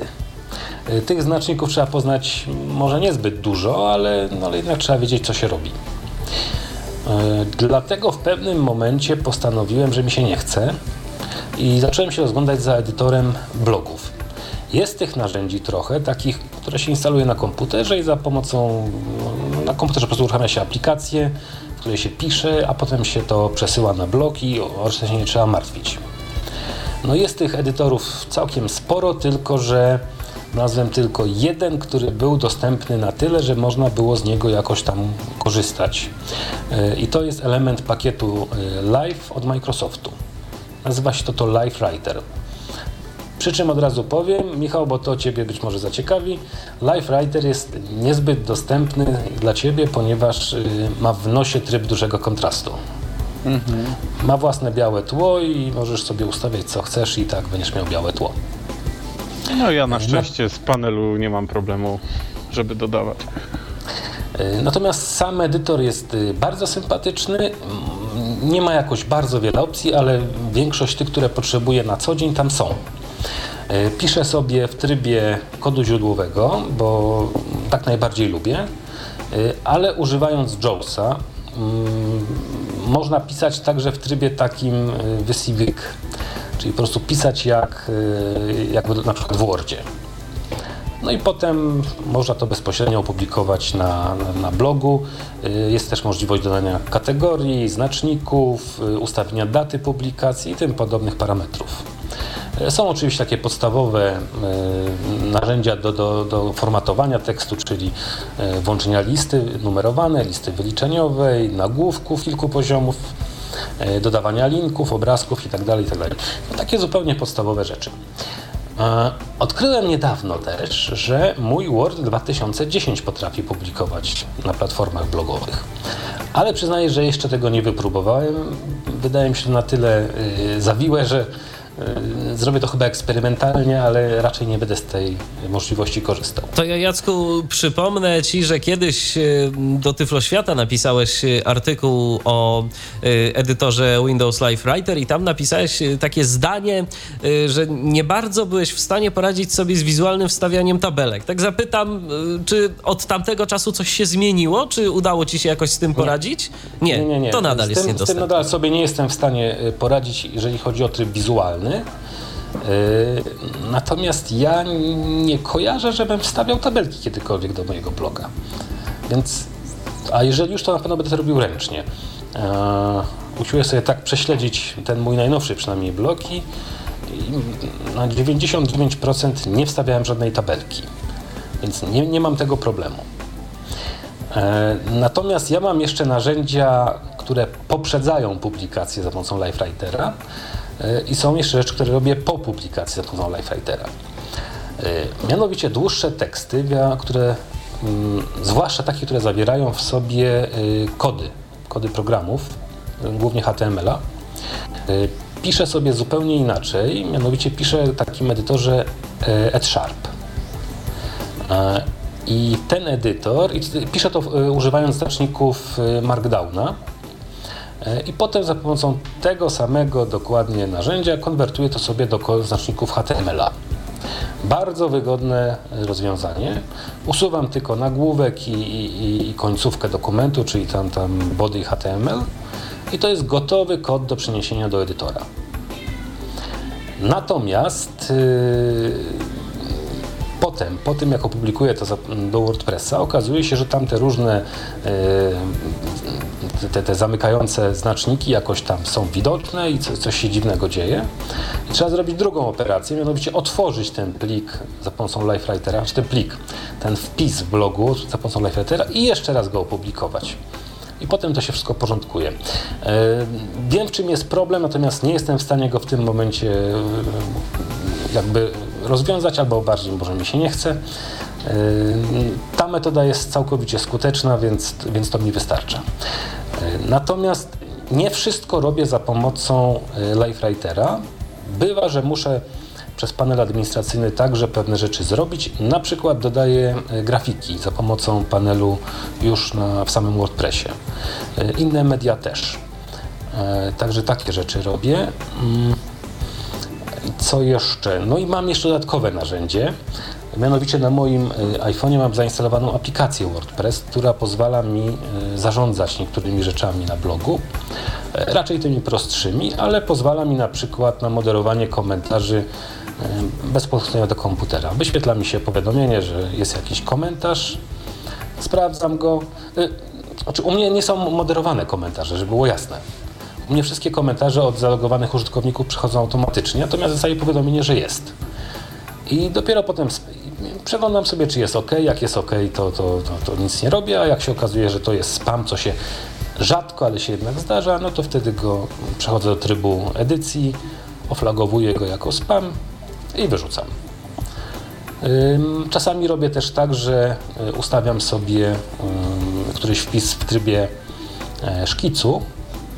E, tak na przykład teraz, y, no na przykład przygotowuję materiał na jakąś konferencję i jeszcze nie wiem, czy, czy opublikuję ten tekst, czy nie. No i potem jak się okazuje, że, że jest ok, że można go opublikować, to wtedy otwieram właśnie iPhone'a i tam przestawiam ten tryb na, na opublikowany i, i wtedy się automatycznie już tekst ukazuje na, e, na blogu. No to są takie moje narzędzia, to znaczy edytor taki Markdowna, e, LiveWriter, e, panel administracyjny, no i aplikacja na iPhone. Dostaliśmy takie pytanie od Eweliny. Jaka platforma blogowa będzie najlepsza do rozpoczęcia zabawy, do rozpoczęcia pisania bloga? Ewelina zapytała, czy na przykład blogi Onetu to będzie dobre, dobry początek. Co wy o tym myślicie? Nie znam blogów Onetu. Musiałbym sprawdzić. WordPress.com polecam, bo sobie spokojnie można poradzić. Zresztą jest panel mhm. po polsku, także można, to, to jest dodatkowy y, atut.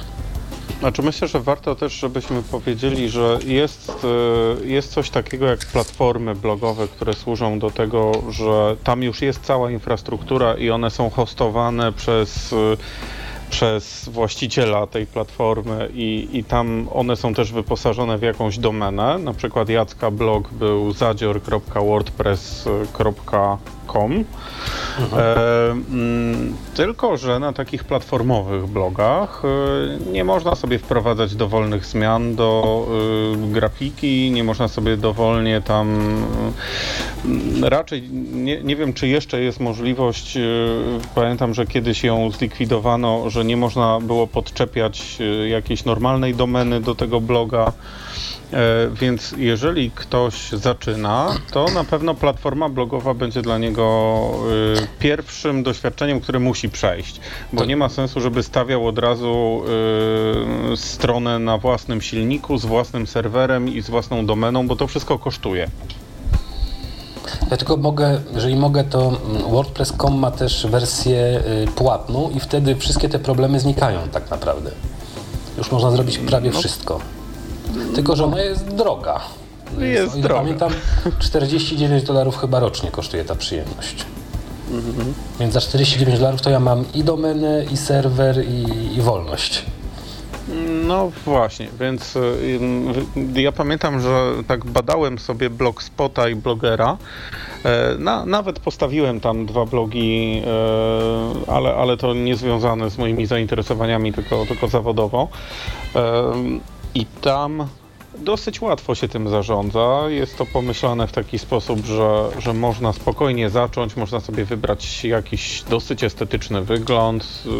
Po prostu na początek na pewno wystarczy działanie na, na platformie i na pewno warto się przyjrzeć WordPress.com, Blogger, i Blogspot, ale mówię, no to kwestia tego, co się komu spodoba, bo, bo nie wszystkie będą miały wszystkie potrzebne narzędzia, e, gdzie niegdzie później na przykład się okaże, że ciężko jest na przykład też to połączyć z Facebookiem, no tam, gdzie już zaczynają się jakieś poważniejsze problemy, tam jest miejsce na to, żeby, żeby już bloga przenieść na własną infrastrukturę i, i gdzieś tam za pomocą znajomych albo, albo ludzi, którzy profesjonalnie zajmują się kodowaniem, po prostu zrobić sobie taką super skórkę. A przede wszystkim, jeżeli ktoś wytrwa, bo yy, mnóstwo ludzi zaczyna pisać blogi i bardzo wielu kończy po, po dwóch, trzech wpisach.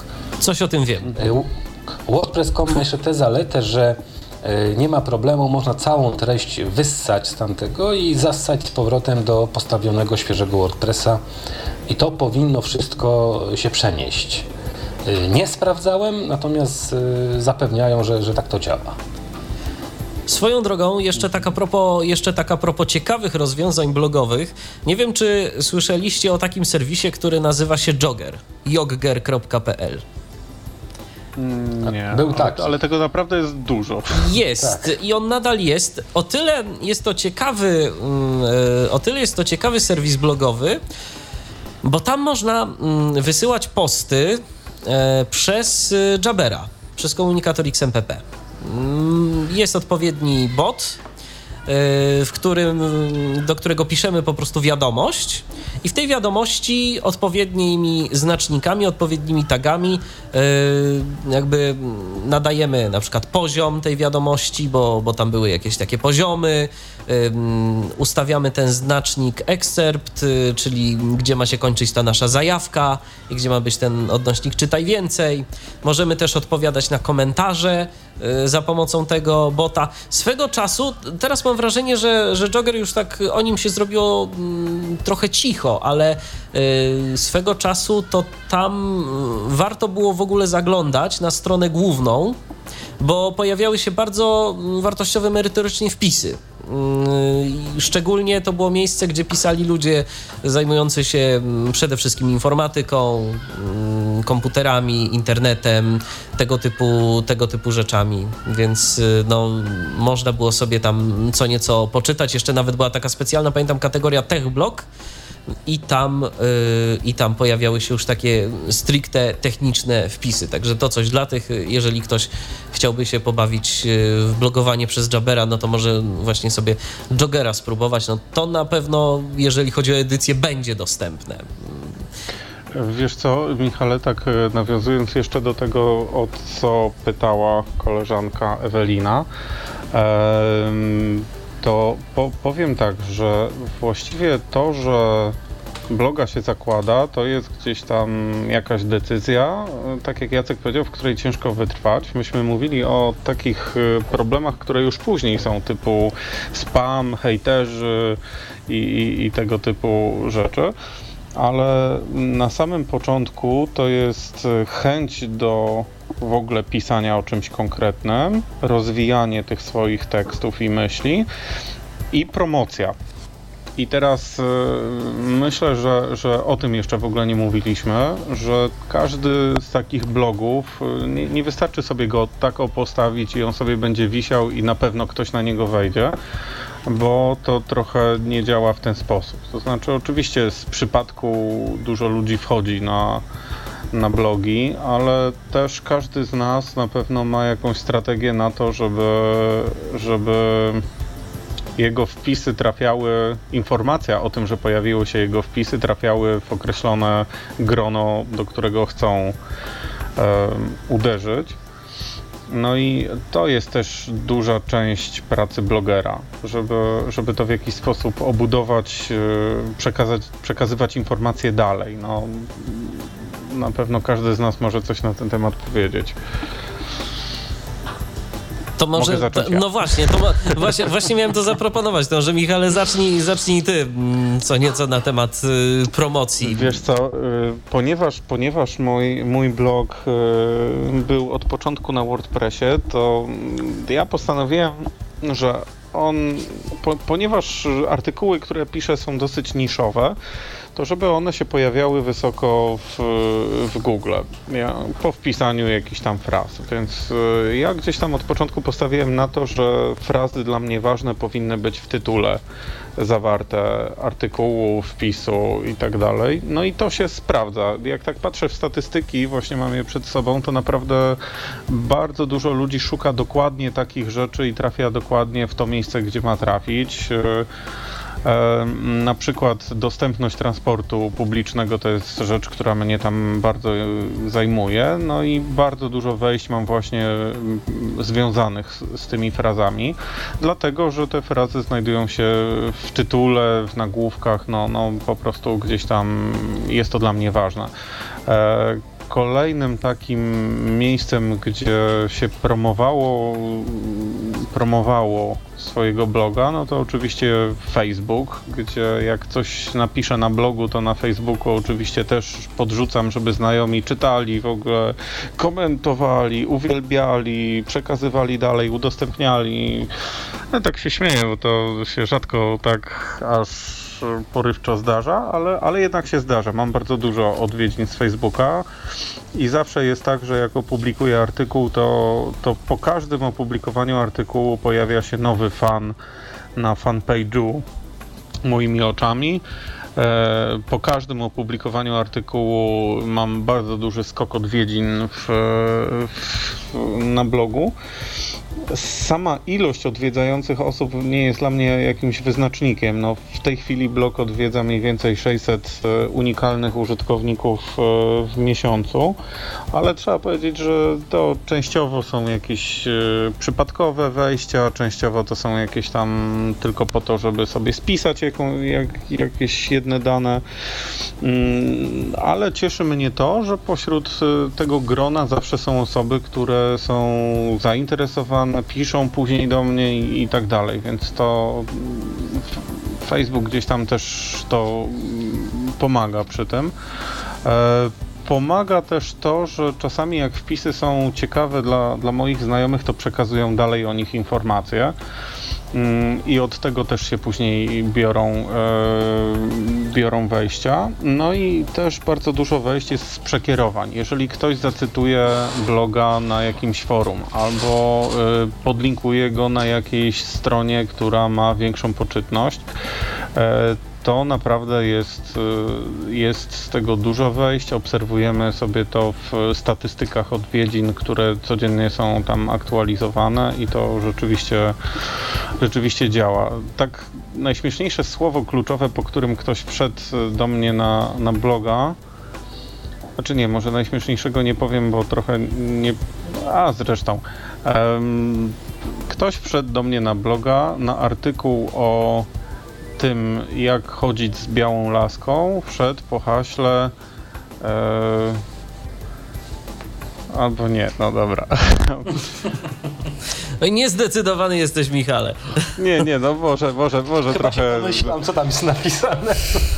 A w każdym razie słowo kluczowe ma laskę w tym, w, w sobie zawarte.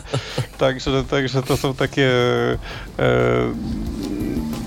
częste jakieś śmieszne rzeczy, na przykład czy, czy na kolej trzeba mieć rezerwację i ktoś wchodzi na bloga. Oczywiście no, takie osoby, które wchodzą na takie, na takie frazy, o, albo czy kot widzi po ciemku. Nigdy nie pisałem na taki temat, ale, ale z jakiegoś powodu ktoś po takiej frazie wszedł. E, no to, no to to są takie, takie zabawne rzeczy i to są przypadkowe wejścia. To są wejścia, które jak później widzimy w statystykach, to one trwają jako jakieś dwie sekundy, trzy sekundy. Ktoś tylko spojrzał i wyszedł od razu, to no to, to, to nie są takie, o których, o których yy, warto mówić. Warto mówić o tych wejściach, które są do konkretnych artykułów, takich właśnie z dużą merytoryczną wiedzą, bo to tu widać od razu, że ktoś to czyta przez 10 minut albo tam 5 minut, że, że ktoś się nad tym skupia, że wchodzi później dalej w ten serwis, że interesuje się tym dalej, więc, y, więc to na pewno też jest pewien element promocji, żeby zapewnić y, użytkowników znaczy dać użytkownikom to, że kiedy przeczytają już sobie jakiś fragment, to podsuwany im jest jakiś jeszcze nowy fragment innego tekstu, który może też być dla nich przydatny. No i to, i to działa, więc tro, trochę to działa tak, że z miesiąca na miesiąc jest więcej takich odwiedzin, no trochę taki efekt kuli śniegowej się tworzy. Nie, nie wiem, czy u chłopaków też u mnie, u mnie tak to działa. A Mikołaju, jak u ciebie to wygląda, jeżeli chodzi o promocję? Tak, no y, też istnieje, y, założyłem oprócz, oprócz bloga, y, jest założona strona ta właśnie tego typu, typu fanpage na, na, na, na Facebooku, która jest połączona z, z blogerem, bo ja akurat na blogerze publikuję bloga sixdos.pl Y, jeszcze jedna taka może mm, tytułem takiego powiedzmy nawiasu, bo mówiliście o, o WordPressie. Ja kilka słów może jeszcze tylko powiem o blogerze, bo to jest platforma y, stworzona, właściwie no, właśnie może kupiona, ale przez Google'a i obsługiwana przez Google'a. I może tutaj informacja dla użytkowników, którzy z jakiegoś powodu na przykład posiadają swoje konto na Gmailu, to żeby zacząć y, blogowanie na blogerze, nie muszą jakby tworzyć żadnego dodatkowego konta, tylko już swoim loginem Google'owym mogą się posłużyć po to, żeby sobie stworzyć swojego bloga na blogerze. E, jeżeli chodzi jeszcze tak o publikacje na blogerze, to, to powiem tak, że Ostatnio ten ich interfejs się jednak troszeczkę, troszeczkę zepsuł, nawet z tej mojej perspektywy, czyli perspektywy osoby słabowidzącej. E, tak jak wcześniej, e, to blogowanie było chyba trochę nieco łatwiejsze, ponieważ ten wcześniejszy interfejs, który był, e, taki domyślny interfejs blogera, miał trochę jednak, trochę domy, domyślnie miał trochę jednak większą czcionkę, trochę bardziej przejrzysty był i prostszy, a w tej chwili to jednak idzie w, wszelkiego rodzaju HTML piątki i takie chyba właśnie nadmierne arie, które gdzieś tam E, dosyć, e, dosyć mocno mm, tą taką powiedzmy interaktywność strony i poruszanie się różnych animacji promuje, także ja przez pewien czas, e, nawet jak już nowy interfejs publikowania na blogerze był dostępny, ja się bardzo mocno broniłem, żeby zostać jak najdłużej przy starym, natomiast nadeszła właśnie taka data, kiedy bloger wszystkich użytkowników swoich niestety przełączył na na ten interfejs, y, na ten interfejs nowy, no i już nie było możliwości powrotu do starego i no i trzeba po prostu z tym żyć. To właśnie to jest jakby powiedzmy ta mm, można powiedzieć wada i ten brak trochę wolności właśnie hostowania swojego bloga na, na jakiejś zewnętrznej platformie. A teraz wracając do tej promocji bloga, no y, wychodzi się z tego, wychodzę z takiego po prostu założenia, że no, na bloga może trafić zarówno ktoś y, za pomocą wyszukiwarki Google'owej i tutaj też podobne mam y, doświadczenie, doświadczenie jak Michał, że na mojego bloga naprawdę z rozmaitych słów kluczowych y, są y, po prostu przekierowania z wyszukiwarki Google'owej. Podzielisz się jakimś wyjątkowo ciekawym? Nie, chyba jakichś takich powiedzmy kwiatków nie było. Natomiast ostatnio, jak sobie przeglądałem statystyki dotyczących najpopularniejszego wpisu w ogóle w historii całego, całego serwisu SixDOS, to od naprawdę bardzo, bardzo długiego czasu dominuje artykuł o rejestratorze dźwięku Zoom H1. I to jakby potwierdza trochę, trochę to, że po prostu w tym momencie pisałem bardziej po prostu o ogólnym sprzęcie, tak? Nie, nie, nie specyficznym, przeznaczonym w szczególności dla niewidomych, ale ten wpis cieszy się największą, największą popularnością. Natomiast y, wracając do tych, y, do tych słów kluczowych, to naprawdę są rozmaite słowa kluczowe właśnie związane z, z technologiami dla osób niewidomych i słabowidzących, z, ze screen readerami, z, z, programami powiększającymi tego typu słowa kluczowe głównie kierują na, na sixdos.pl. E, a wracając do tej promocji, to tak, e, no, to jest jakby takie nieodzowne obecnie narzędzie dodatkowe prawie że każdego blogera, aby starać się te treści, nazwijmy to, wypychać, czy promować w różnego rodzaju y, no, portalach społecznościowych, tak? czyli czy to połączyć swoje konto y, blogowe z Facebookiem, czy, czy z Twitterem w taki sposób, że nie musimy po prostu y, ręcznie tego mm, przeklikiwać, tylko wystarczy, że ten wpis opublikujemy i już po chwili y, wpis ten y, publikuje się również czy to na naszej tablicy facebookowej, czy to na, na tablicy fanpage'a, y, czy też na, na kanale Twittera. Także mm, taka integracja tych, tych portali społecznościowych na pewno jest dużym plusem, jeżeli chodzi o promocję danego bloga. A jak to Jacku wygląda u Ciebie? Jakieś dodatkowe zabiegi czynisz, żeby więcej osób wchodziło? Na Twój serwis? Ja robię bardzo standardowe rzeczy, to znaczy publikują się automatycznie zajawki na Facebooku, przy czym nie na fanpage'u, tylko na moim własnym profilu. E, nie zdecydowałem się na zrobienie e, fanpage'a. Nie wiem, może to błąd, ale jakoś tak. Yy, nie wiem, może kiedyś o tym pomyślę. Oraz na kanale na Twitterze.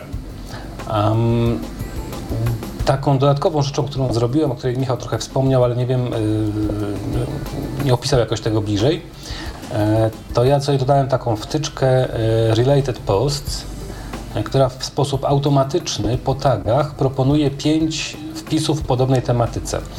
Działa to, przyznaję, tak sobie, Myślałem, że będzie działało trochę lepiej, więc być może poszukam jakiegoś innego rozwiązania, ale pod każdym mm, wpisem y, jest taki zestaw pięciu linków do y, pięciu tekstów y, z serwisu, które są jakoś tam w sposób automatyczny wybrane przez, ten, ten, tą, przez tą wtyczkę. I więcej nic nie robię. Natomiast panowie nie, nie powiedzieli nic, bo być może nie mają, nie żadnych narzędzi, ale byłbym ciekaw, jakich narzędzi do publikacji ewentualnie używają jeszcze oprócz po prostu panelu administracyjnego swojego serwisu. To ja może Ale bym narzędzi powiedział... publikacji, y, jakbyś mógł Jacku jeszcze powiedzieć, y, narzędzi do publikacji... No nie wiem, jakichś edytorów, jakichś no, wpisów, no, czy innych treści. Aha, okej, okay, okej. Okay. Czy sam edytor, edytor wystarcza? Tak? W moim przypadku, czyli w przypadku e, bloga Stix.doc wystarcza ten edytor, e, który jest domyślny przez stronę internetową blogera. Natomiast zdarza mi się yy, może nie ostatecznie publikować, ale przygotować chociaż szkic danego, czyli taką wersję roboczą danego yy, artykułu w sytuacji, kiedy na przykład jestem z dala od komputera, a akurat pojawił się jakiś ciekawy news i chciałbym go jak najszybciej umieścić na blogu, to używam yy, czy to blogera, na, mm, na iPadzie, tak, bo jest aplikacja mm, stworzona przez Google, wydana na iPada i można y, te wpisy sobie bezpośrednio z, y, po prostu podłącza się, loguje się za pomocą loginu i hasła z tej aplikacji i mam możliwość dostępu do wszystkich swoich wpisów na blogerze za pomocą właśnie urządzenia mobilnego, czy to iPada, czy to iPhone'a. Na iPhone'ie mi się trochę oczywiście mniej wygodnie pisze, ale najwygodniej mi się pisze je, jeżeli już mówię o publikowaniu mobilnym na iPadzie. Natomiast y, jest jeszcze taka możliwość, którą oferuje bloger, korzystałem z niej tylko i wyłącznie testowo, ponieważ nie za bardzo mi się ona podobała, jeżeli chodziło potem o ostateczne formatowanie, ale na blogerze możemy sobie zdefiniować taki adres e-mail. On jest taki powiedzmy, nazwijmy to tajny, to znaczy w tym sensie, że on zawiera część naszego loginu y, gmailowego i oprócz tego kilka innych znaków, które możemy sobie tam dodać i po prostu wysyłając maila na ten adres mailowy, automatycznie dany wpis, możemy tam oczywiście sobie w blogerze to ustawić, czy jest automatycznie publikowany, czy tylko jest dodawany jako szkic. Czyli możemy publikować wysyłając po prostu maila, tak? I, i dzieje się to w taki sposób, że mm, tytuł naszego maila staje się automatycznie ty tytułem naszego wpisu, Natomiast treść maila staje się automatycznie treścią y, tego, y, tego wpisu. Z tym, że tutaj z moich takich doświadczeń wynika, że różnie bywa, jeżeli chodzi potem o ostateczne formatowanie tego. To znaczy, ja sobie y, wiadomość mailową poukładałem skomponowałem w dany sposób z odpowiednimi tam powiedzmy paragrafami, odstępami, a potem po opublikowaniu tego, po wysłaniu za pomocą maila na blogera to niestety jakoś to inaczej potem było wyświetlone na stronie i mi się to nie podobało, chociaż nie ukrywam, że ta metoda dla niektórych osób może być bardzo wygodna. Po prostu wystarczy mieć klienta mailowego i wysłać maila i automatycznie nam się post publikuje. Natomiast moim zdaniem takim, takim jakby trendem obecnie, wszystko oczywiście też zależy od tego, gdzie e, jakby najczęściej przebywamy, z jakich urządzeń korzystamy, ale E, stopniowo e, coraz większą popularność zdobywają właśnie aplikacje mobilne, urządzenia mobilne, gdzie możemy po prostu nawet, nie wiem, siedząc na ławce w parku, czy jadąc w pociągu, e, napisać i opublikować posta na, na swoim blogu. Mikołaju, a ty używasz e, na co dzień komputera mm, Mac, e, na co dzień korzystasz e, z komputera Apple. Czy na OS Xa widziałeś jakieś edytory blogowe podobne do Windows Live Writera, czy nie testowałeś nic z tych rzeczy? Jest kilka, jest kilka, jest kilka narzędzi, ale powiem tak. Pierwsza, pierwsza kwestia w większości chyba nawet zdecydowanej większości są to narzędzia płatne, bez nawet wersji jakiejś tam powiedzmy demonstracyjnej. Także tylko znalazłem powiedzmy ich, e, ich nazwy, że takie, takie po prostu są. E, I jedynym powiedzmy taką no, hmm, no nie, niestety niecharakterystyczną dla, dla Maca namiastką po prostu była wtyczka do Firefoxa. Yy, bodajże to się nazywało Fireblocks, coś takiego, czy Fire... Yy, dokładnie z głowy w tej chwili nie jestem w stanie sobie przypomnieć yy, tej nazwy, czy Firepub, Firepub, coś w tym stylu. no ale to nie jest typowo makowe, makowe narzędzie, natomiast wiem, że makowe edytory do blogów istnieją. Żaden z nich, który napotkałem, nie jest darmowy i też między innymi z tego powodu nie testowałem. Także ja się posiłkuję tylko i używam właściwie tylko i wyłącznie e, przeglądarki internetowej i typowego interfejsu, czy to blogera, czy to WordPressa. Ty, Michale, wspomniałeś już wcześniej, że korzystasz e, z edytora e, wbudowanego w WordPressa, tak, bo Word. pomaga ci, jeżeli chodzi o tryb dużego kontrastu, nie ma z tym problemu. Ale co, jeszcze nie, jakieś nie narzędzia? Ma, nie ma problemu. Nie, wiesz co, wszystko co stosuję to tak naprawdę e, to jest panel, panel do WordPressa, który jest trochę przeze mnie przystosowany, żeby wygodniej się nim zarządzało, ale, ale tak naprawdę dla trybu dużego kontrastu WordPress jest naprawdę, no, nie trafiam na jakieś problemy w ogóle. Poza tym, że czasami coś przeskoczy, kiedy chcemy powiększyć ekran kontrolem i scrollem, to czasami jakieś okienko gdzieś przeskoczy i trzeba go poszukać, ale to, to się zdarza w innych systemach też, więc e, nie, bardzo, bardzo wygodnie. Natomiast statystyki sobie sprawdzam w Analyticsie, Google'owym narzędziu do statystyk i też tam gmeram w panelu. No niestety panel Google jest już gorszą rzeczą dla osoby z Y, problemem z dużym kontrastem, więc no, no, to już jest gorzej. Ale, ale nie, nie potrzebuję żadnych takich rzeczy dodatkowych. Bardzo wygodnie się zarządza y, przez, przez panel. Jeżeli ktoś zacznie korzystać z bloga i zacznie pisać różnego rodzaju artykuły, to w opcjach edycji danego wpisu może zauważyć takie magiczne hasła, które może warto, żeby ktoś z Was rozjaśnił. Co to takiego jest? Ja się też z tym spotykam dosyć często. Są tak zwane trackbacki i pingbacki. Co to właściwie jest? Czemu to służy? To też może być wykorzystane jako swego rodzaju narzędzie promocji, czy, czy niekoniecznie?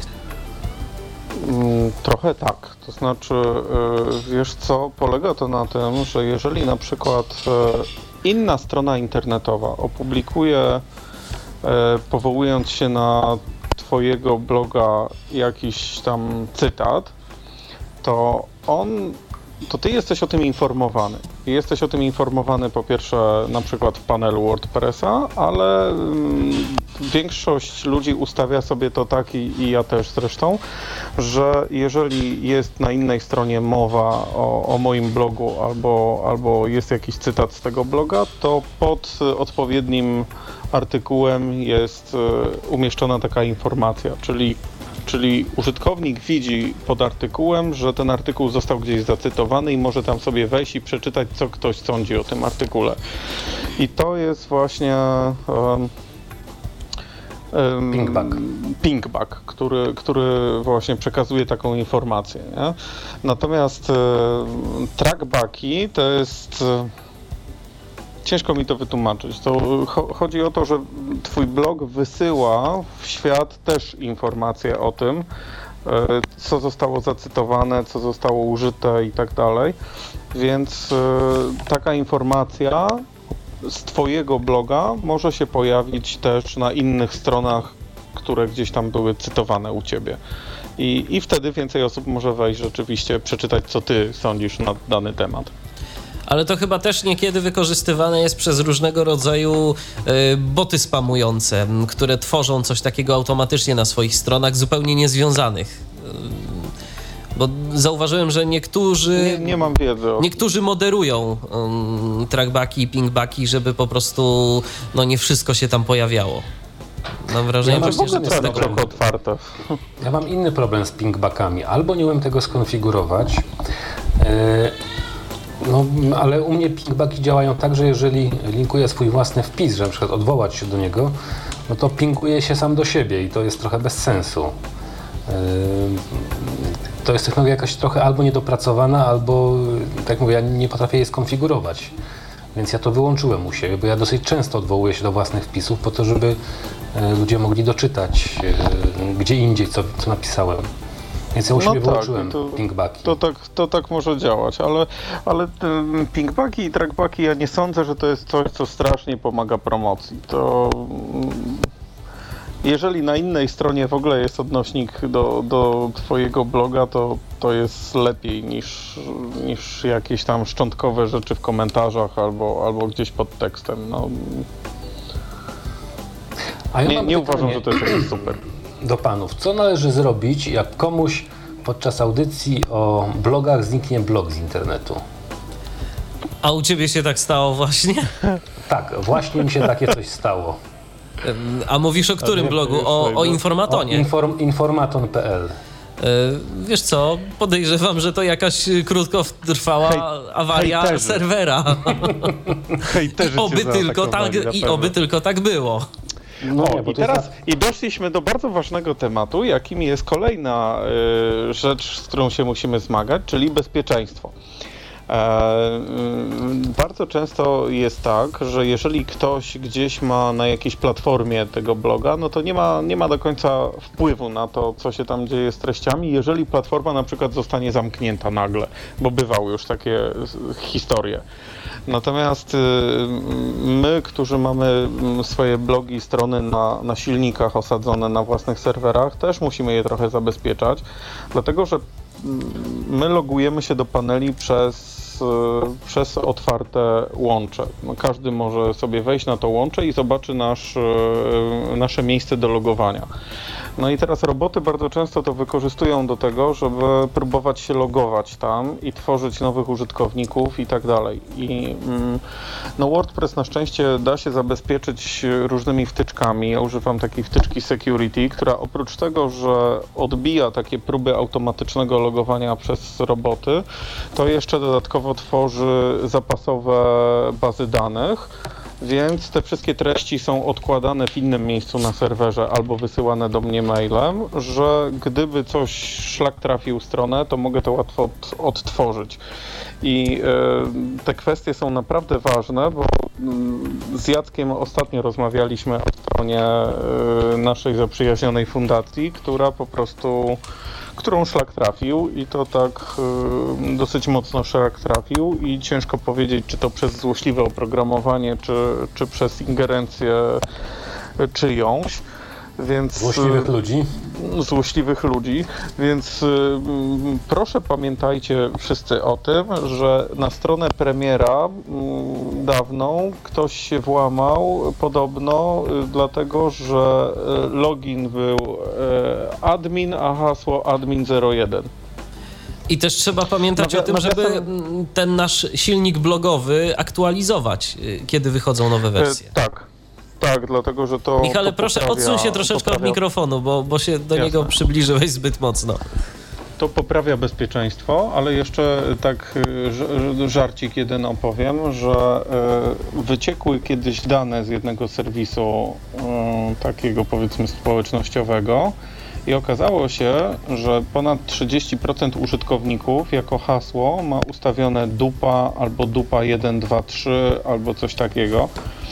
I e, skoro, skoro e, ktoś może takie dane przeczytać, to może próbować się na te same dane logować do naszych innych usług, e, więc warto jest mieć różne hasła dostępowe. Oczywiście, że tak. Problem tylko w tym, żeby te hasła zapamiętać i to, to, to też jest później taki paradoks, bo zaczynamy sobie niestety te hasła zapisywać, ale całe szczęście są no, różnego rodzaju menedżery haseł, którymi też można się posiłkować, no tylko też je trzeba zabezpieczyć hasłem i tak trochę wpadamy w, w błędne koło, no ale warto coś robić w tym względzie, tak, ale, bo... ale, ale ja mam na przykład pod sobą powiedzmy y, 40 różnych stron internetowych i, y, i one wszystkie mają inne hasła i to mają trudne hasła, żeby się ciężko było do nich włamać. I ja sobie nie wyobrażam w ogóle egzystencji bez jakiegoś programu, który mi te hasła y, przechowuje w bezpieczny sposób. I, I używam takiego czegoś, co się KeePass nazywa i jest to dosyć poręczne i, i fajne.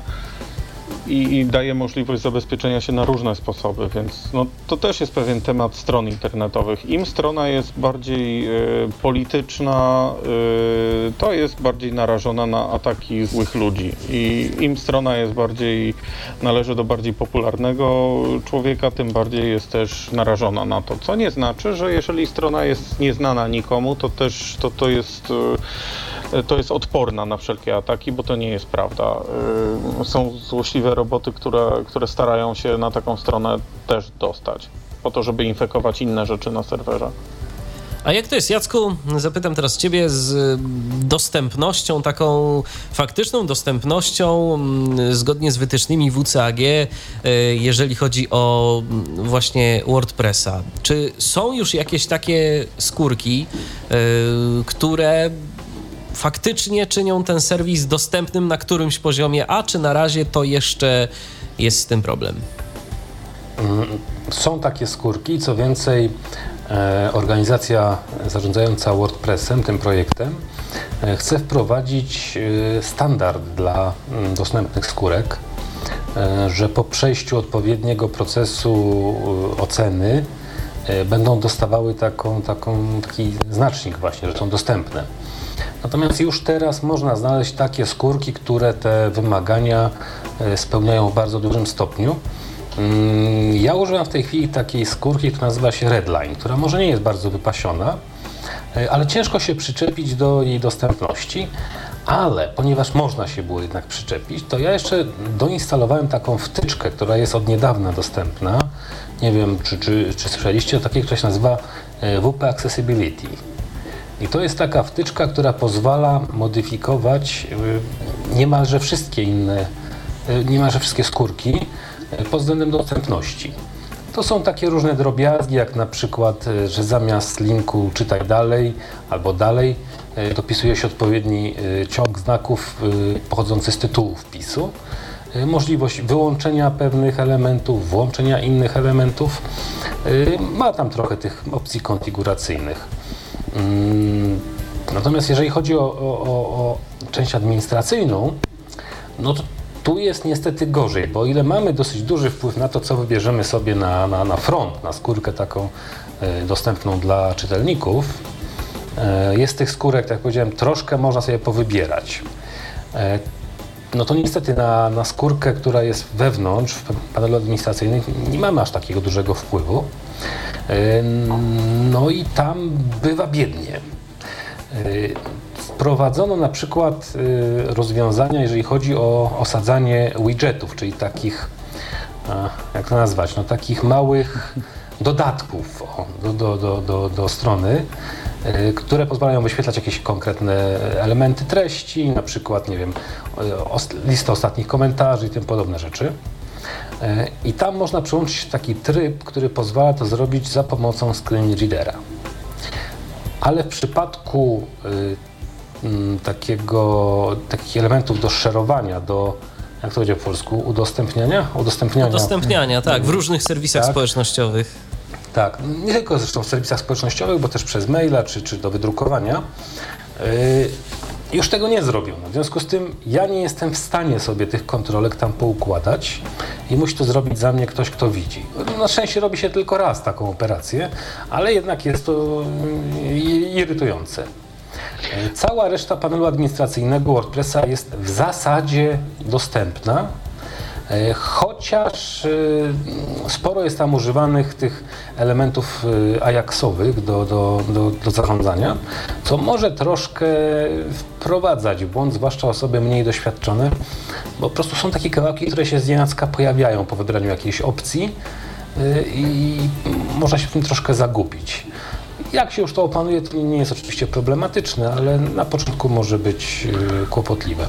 No, i no to, my wiemy, że ogrom... ciężko menu się zarządza w WordPressie dla osoby niewidomej, bo to przerabialiśmy e, chyba, chyba w każdym przypadku I, i na stronie Michała tutaj Tyflo, Tyflo Podcast.net też e, był z tym problem bo osoba niewidoma nie może sobie, nie używa myszki, więc nie przeciąga sobie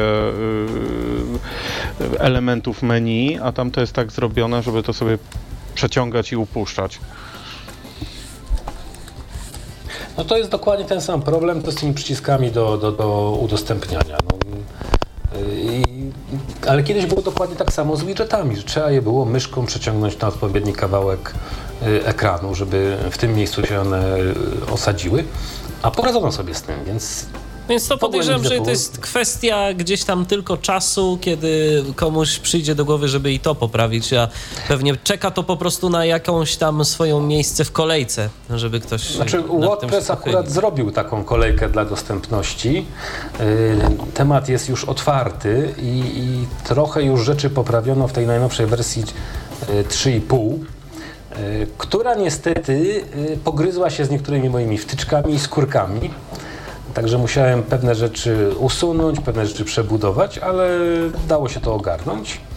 E, natomiast y, widzę, że po prostu w tym, tym, tym, tym, projekcie WordPress zaczęto zwracać uwagę na większą dostępność, chociaż i tak WordPress był stosunkowo najbardziej dostępnym silnikiem, jakie znam. Poza tymi nastawionymi ewidentnie na dostępność są takie. Ale jeżeli chodzi o takie mainstreamowe, że tak powiem, typu, nie wiem, Drupal, Joomla, typo i tym podobne, no to WordPress tu naprawdę przodował od zawsze. A też jeszcze ja kiedyś widziałem taki serwis yy, i to nawet nie był, to nawet nie, nie był Jobs, tylko to był jeszcze jakiś inny serwis, który był teoretycznie zaprojektowany z myślą o dostępności. Yy, I niestety to jest też trochę tak, że tą dostępność trzeba projektować mądrze.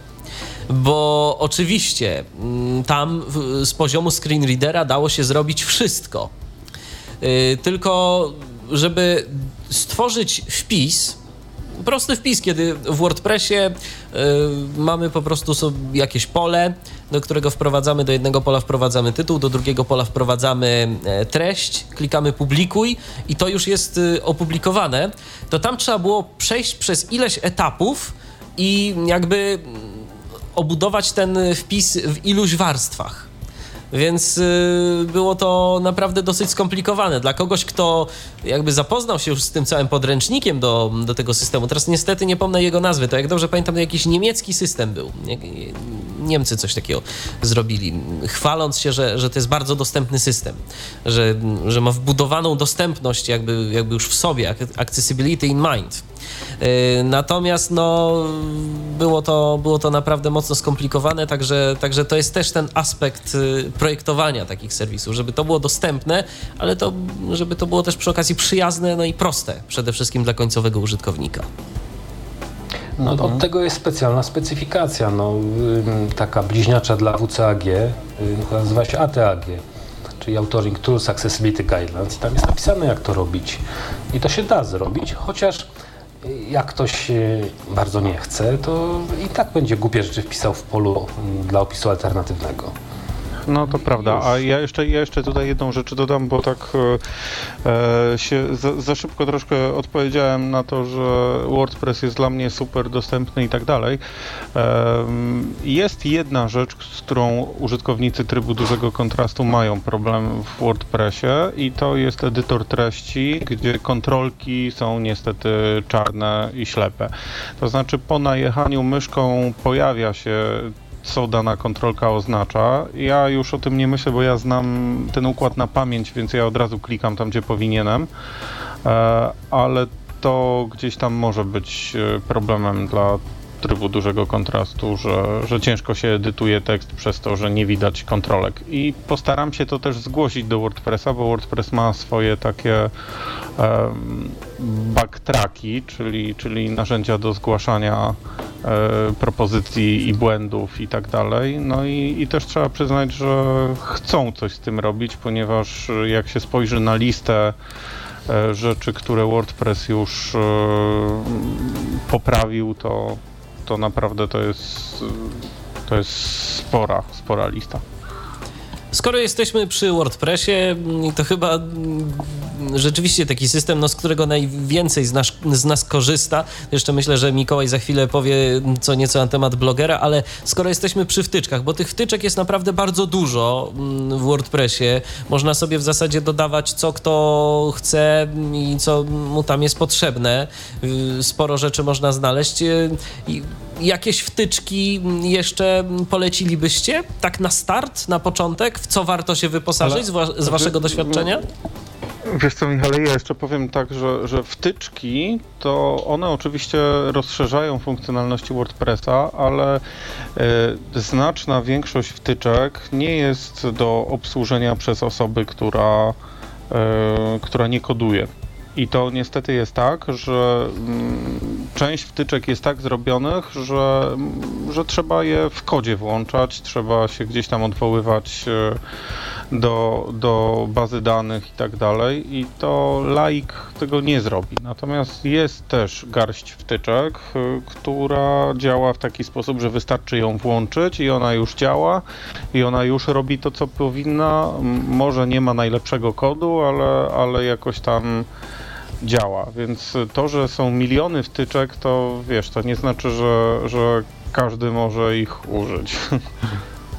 Ja bym powiedział, że a propos tych wtyczek do, do WordPressa, to taką rzecz, że wiadomo, że y, dostawcy tych, tych wtyczek je publikują w rozmaitych miejscach. Natomiast też to, co Jacek powiedział, y, WordPress ostatnimi czasy, w ogóle ta społeczność i, i zarządcy tego projektu, jakby y, przynajmniej widać, także starają się zarówno skórki, jak i wtyczki i jeszcze jakieś tam inne rozszerzenia gromadzić w takim jakby centralnym repozytorium na stronie wordpress.org. I tam jest dosyć fajna w ogóle wyszukiwarka i wtyczek, i, yy, i, i skórek, tak? I zaczynają się tam też pojawiać, yy, to, z tego względu, że tych, tych yy, publikowanych tam skórek i, i, i wtyczek jest coraz więcej, one otrzymują różnego rodzaju też tagi i mm, pojawiają się skórki i również wtyczki, które mm, mm, po prostu dostają tag accessibility. Ja teraz mm, może nie mówię tutaj o tej w tej chwili idei, tak, że to ktoś z WordPressa będzie w tej chwili sprawdzał, tak, to, o czym Jacek przed chwileczką mówił, ale mm, miałem okazję ostatnio sobie przeglądać yy, właśnie wtyczki pod kątem tego tagu accessibility trochę ich tam już jest. To głównie są wtyczki, które na przykład e, starają się e, sprawić, że na przykład jakiś player, czyli taki mm, odtwarzacz, który umieszczamy na przykład do odtwarzania klipów YouTube'owych na przykład na stronie, że on jest bardziej dostępny niż jakbyśmy w standardzie umieścili po prostu link do, y, do WordPressa i on automatycznie, do, do, do danego y, wideo na YouTubie i automatycznie wtedy WordPress się już tym zajmie, publikacją tego wideo. Natomiast chyba w, w ciągu ostatnich dwóch tygodni miałem okazję przeglądać to archiwum i ku mojemu zaskoczeniu znalazłem taką wtyczkę, ona się chyba nazywa WP YouTube Lite, pisze się Lite i oni tam piszą, że ona jest bardzo accessibility friendly i tak dalej, i tak dalej. I no, testowo sobie tej wtyczki użyłem i w każdym razie w komentarzu tam i w opisie było napisane, że ona player YouTube'owy y, umieszcza w formacie HTML5 i w ogóle Flasha nam eliminuje na stronie mm, związanego z właśnie z, z umieszczaniem y, wideo na, na stronie bloga. No i zainstalowałem tą wtyczkę, mm, za odpowiednio otagowałem, że tak powiem, znaczy w specjalny sposób, tak jak tam polecali, wstawiłem mm, nie to zmodyfikowany, bo tak trzeba to zrobić, link do, do pliku YouTube'a. Różnica jest po prostu taka, że się pisze HTTPV, taki mm, zamiast HTTP slash piszemy HTTPV i on po prostu po tym poznaje, że ma wstawić to za pomocą tej wtyczki, ten ten plik wideo, no i mojemu zaskoczeniu i w przeglądarce Chrome i w przeglądarce Firefox patrzę, a y, wideo opublikowało się za pomocą Flasha. I nawet napisałem do nich, yy, mówię, o co tu chodzi tak naprawdę, w czym ta, w czym ta wtyczka tak naprawdę pomaga, skoro ten, to wideo miało być accessible. Oni mówili, napisali, że no to jest tylko wtedy accessible, jeżeli ja w YouTubie się zasubskrybowałem na korzystanie z playera y, HTML5, tak?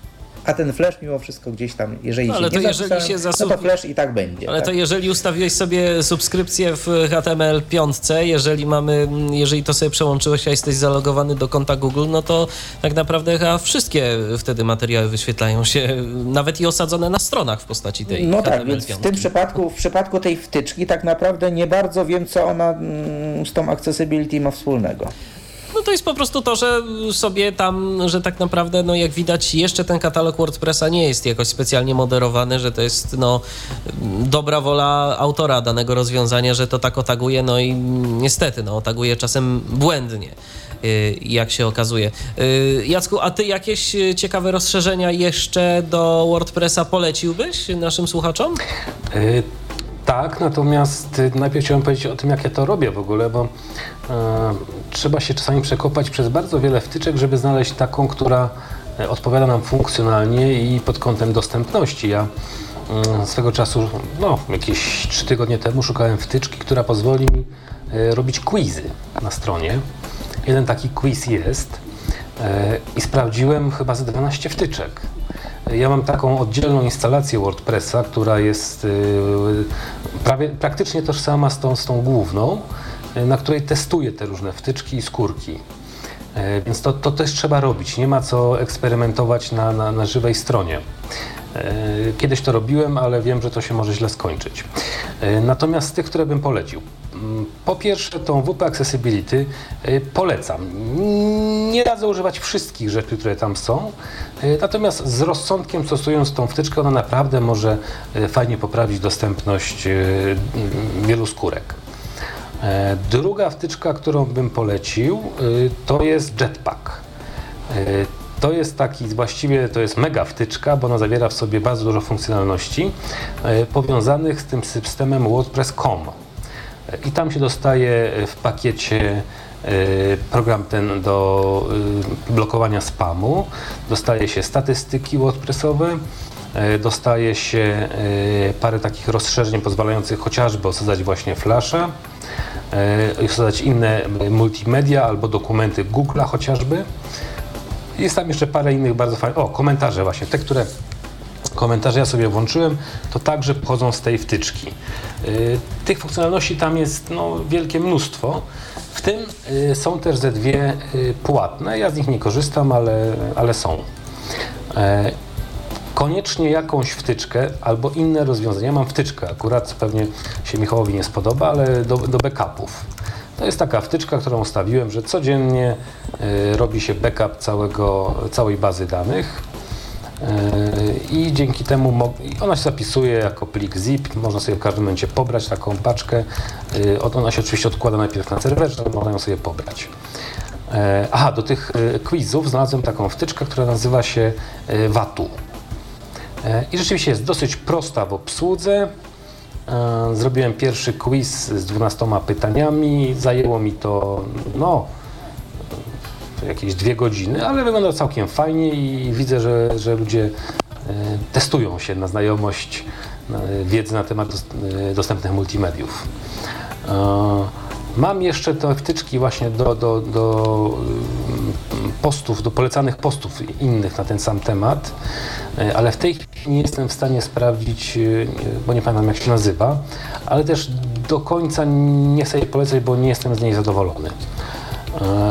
Mam też wtyczkę cały czas, którą mi polecił Michał tu obecny, Headspace, która kompletnie nie wiem do czego służy, więc myślę, że jak się nie dowiem, to pewnie ją wywalę. Bo lubię mieć jednak porządek i jak nie wiem, do czego coś służy, to. To zaraz Michał może Ci odpowiedzieć na to pytanie. Tak, tak, tylko że ja już się wycofałem z tej wtyczki i korzystam z innej wtyczki. Generalnie to jest, to jest coś, co służy, y, co służy temu, żeby nasza strona była dobrze indeksowana przez y, wyszukiwarki. Generalnie nie będziemy tutaj mówić o, o, zasadach, które dotyczą webmasterów, jeżeli chodzi o tworzenie strony i pochodzą od Google, bo, bo tego jest naprawdę bardzo dużo. Natomiast jednym z, jedną z zasad jest to, że strony powinny mieć unikalne opisy meta description e, i powinny mieć też unikalne title, e, czyli to, co się pojawia u góry okienka e, przeglądarki, kiedy wchodzimy na różne podstrony. No i to jest wtyczka, gdzie można takie coś sobie zrobić i ona o to sama dba. Podam tutaj taki przykład. Chciałbym, żeby mam wpis, który jest normalnym artykułem, a ja chciałbym, żeby w Google to się pojawiło ojeny, wejdź na ten wspaniały artykuł, ponieważ to jest najlepszy artykuł na świecie a nie ma takiej treści w artykule. Więc y, jeżeli nie mam tej wtyczki, to, y, to Google sobie pobierze opis y, stworzony z danego artykułu. Natomiast jeżeli ja wypełnię to pole description tym, czym chcę, to tak się będzie pojawiała ta strona łącznie z linkowaniem też na Facebooku na przykład. Czyli dzięki tej wtyczce mamy wpływ na to, co się pojawia E, razem z informacją o linku. I to no, tego, tego też trzeba jakoś e, się bardziej nauczyć używać, bo to, to nie, nie, wystarczy, że ona tam sobie po prostu jest, natomiast to, że ona sobie tam jest, to i tak troszkę porządkuje e, tą sekcję meta. A to Michale ja mówisz, polecam... przepraszam, o tej wtyczce, o której, o której Jacek mówił? Jacek, Jacek mówił o Headspace'ie, natomiast, natomiast ja w tej chwili przeszedłem na coś innego na, na różnych stronach i to się nazywa e, SEO by Yates, czy coś takiego. Ale, ale to jest mniej więcej podobne. E, ja korzystam jeszcze z takiej wtyczki, której niestety osobom niewidomym nie mogę polecić, natomiast uważam ją za rewelacyjną ogólnie. To jest wtyczka do tworzenia newsletterów gdzie możemy stworzyć, skomponować z wpisów na swoim blogu ładnego newslettera i wysłać do bazy ludzi, która się do tego newslettera zapisała. E, ta wtyczka się Wysia nazywa. E, właściwie Wysia Newsletters i jest naprawdę kombajnem do tworzenia newsletterów, gdzie można ustawiać z jakiego maila mają wychodzić, jak często, yy, znaczy z jaką częstotliwością. Yy, dodatkowo możemy sobie yy, naprawdę zrobić ładny ten newsletter wizualnie, no tylko, że to niestety wszystko tworzy się przez yy, chwyć i upuść, czyli, czyli w sposób niedostępny dla, dla osób niewidomych. No, osoby słabowidzące póki się tego nie nauczą, to też mogą mieć jakieś tam drobne problemy, ale to jest naprawdę wtyczka jedna z fajniejszych. E, trzeba też powiedzieć, że są wtyczki do tworzenia tak zwanych breadcrumbsów. Breadcrumbsy to są tak zwane okruszki, czyli nawigacja na stronie, która e, wy możecie to znać z tego, że każda strona was informuje, jesteś tutaj i pokazuje linki do kolejnej, e, do, do wchodzenia coraz głębiej w serwisie. No i to oczywiście ze względów dostępnościowych i użytecznościowych to się bardzo przydaje. No i WordPress też gdzieś tutaj opracowano różne wtyczki na, na tą okoliczność, więc nie polecę jakiejś jednej, bo, bo jest ich po prostu dużo. I ja trochę inaczej korzystam z WordPressa, ponieważ e, no, dzięki, dzięki znajomości z e, różnymi koderami, którzy, którzy bardzo mi pomagają przy, przy tworzeniu różnych rzeczy na blogu, e, no my mniej operujemy na takich wtyczkach, które są kompleksowo robią coś, tylko bardziej po prostu wykorzystujemy skrypty zapisane w różnych wtyczkach i, i tworzymy do tego własny kod, więc więc mam, mam trochę inne, inne wykorzystanie wtyczek. Na pewno tutaj i Mikołaj powiedział y, o tym, że są problemy z, y, są problemy z playerami wideo i audio. No to mogę potwierdzić, że szukałem w WordPressie czegoś, co byłoby dostępne dla osób niewidomych. Znalazłem e, tylko jeden taki player, który się nazywa Accessible Audio Player. E, no służy do audio, więc wideo sobie na tym nie, nie doczepimy, a poza tym dosyć nie lubię sposobu, w jaki się osadza to na stronie, bo to się tworzy przez takie tak zwane shortcody. Ja, ja ich dosyć nie lubię, więc, więc na razie go nie używam. Używam A ja akurat innych lubię. rzeczy.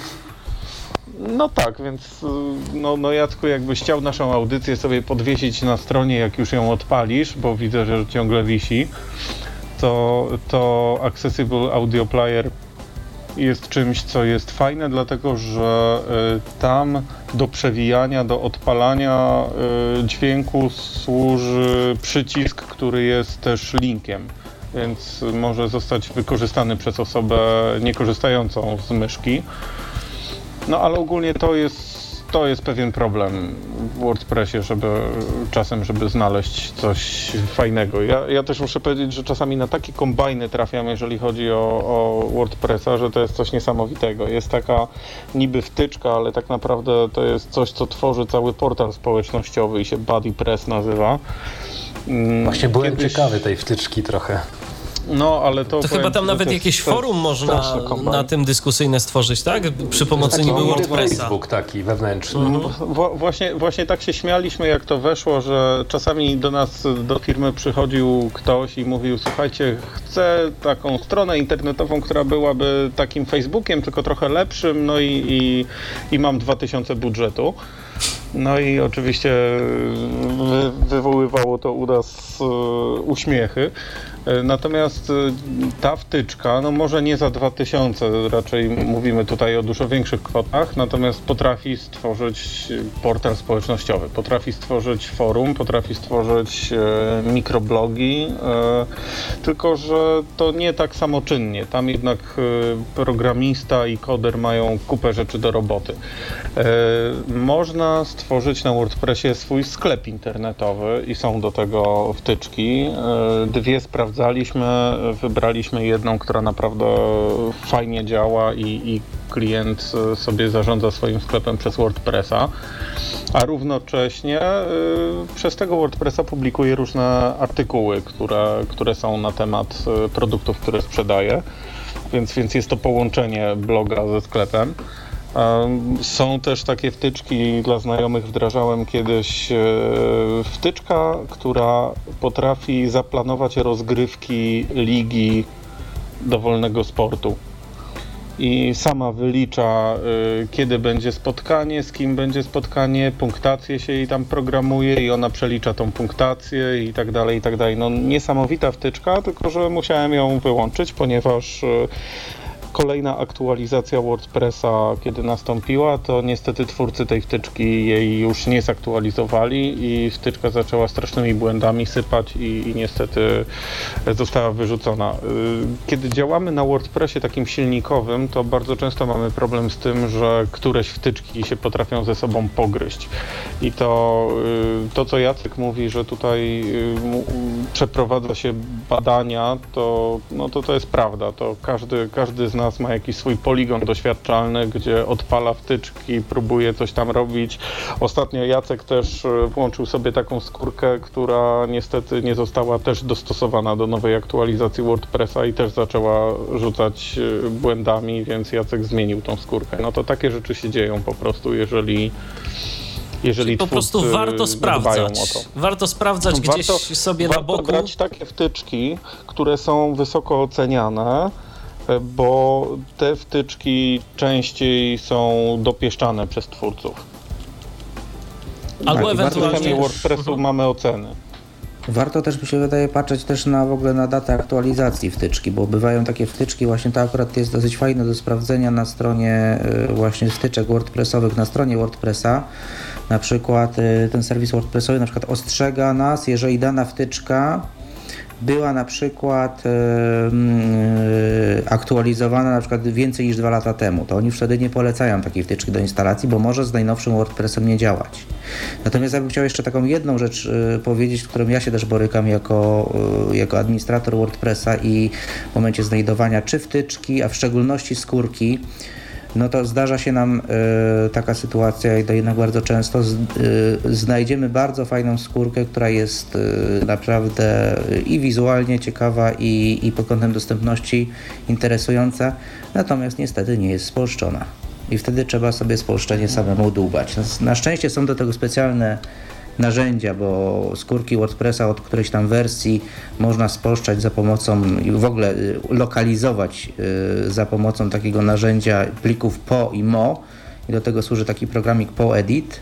Natomiast to już jest taka kwestia, że w przypadku niektórych wtyczek, które naprawdę bardzo fajnie wyglądają, bardzo fajnie działają i są dostępne, trzeba je po prostu spolszyć, żeby nie mieć na przykład sytuacji takiej, że y, ktoś chce dodać komentarz, no i z jakiegoś powodu ma komunikat leave a comment, submit reply i, i na przykład użytkownicy, którzy są na przykład no, nieanglojęzyczni mogą się poczuć troszeczkę nieswojo na takim, no, na takim WordPressie, tak?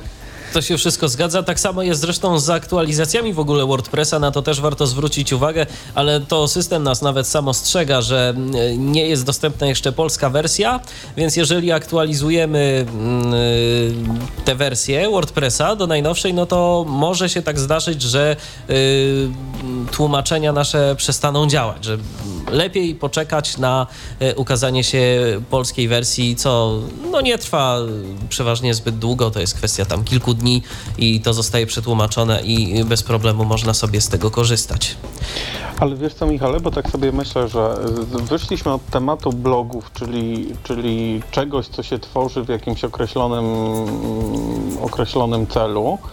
I taką miałbym sugestię dla osób, które chcą zaczynać, że można zacząć też w trochę inny sposób, e, żeby, żeby sprawdzić, czy się wytrwa w tym i, i czy daje to frajdę. Można po prostu próbować e, prowadzić swoje blogi na serwisach społecznościowych.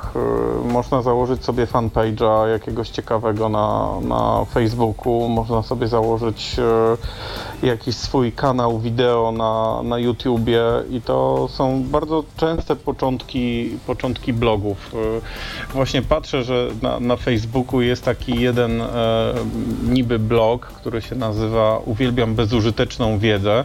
Uwielbiam go czytać, bo jest e, jest, jest taki, taki naprawdę zabawny i ktoś wpadł na świetny pomysł i niepotrzebny jest do tego żaden blog wielki, żeby nadawać takie rzeczy i, i, i mieć bardzo wielu fanów, bo, bo tutaj, tutaj jest tak, że ci fani w tym przypadku, no to się już liczą w tysiącach a oni nadają na przykład taką informację atom to w 99,9% pusta przestrzeń. Po usunięciu tej przestrzeni i zebraniu atomów do łącznej wielkości kostki cukru otrzymalibyśmy strukturę o masie 5 miliardów ton. No i po co komu taka informacja, ale, ale lubię to czytać, bo naprawdę...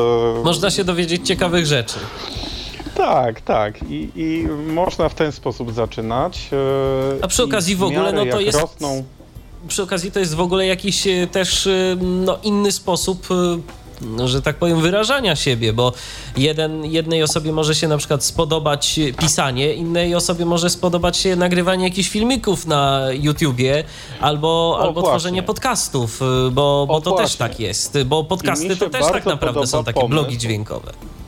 Tak, mi się bardzo podoba pomysł tak zwanych vlogów, czyli, czyli blogów wideo, gdzie człowiek niekoniecznie musi czytać jakąś tam informację, ale może sobie pooglądać, co na ten temat ktoś tam powiedział. I znam bardzo dużo takich fajnych vlogów, które, które oglądam, głównie marketingowych i technologicznych, gdzie po prostu ktoś chodzi, przeprowadza wywiady z różnymi twórcami ciekawych rozwiązań. No to, to, są, to są też bardzo ciekawe rzeczy. Ja ja marzę, żeby mieć kolegę z fantastyczną kamerą i z mnóstwem wolnego czasu i żeby jeszcze mi trochę tego czasu pożyczył i żebyśmy chodzili po mieście i nagrywali bariery dla, dla osób niewidomych i słabowidzących, bo mi strasznie tego brakuje, żeby to obrazem pokazać. I, i to... Jeżeli ktoś z naszych słuchaczy to, ma tak fantastyczną tak kamerę i chciałby poświęcić trochę czasu Michałowi, to... I mieszka w Krakowie. Tak, i mieszka w Krakowie, to prosimy się kontaktować. Oczywiście.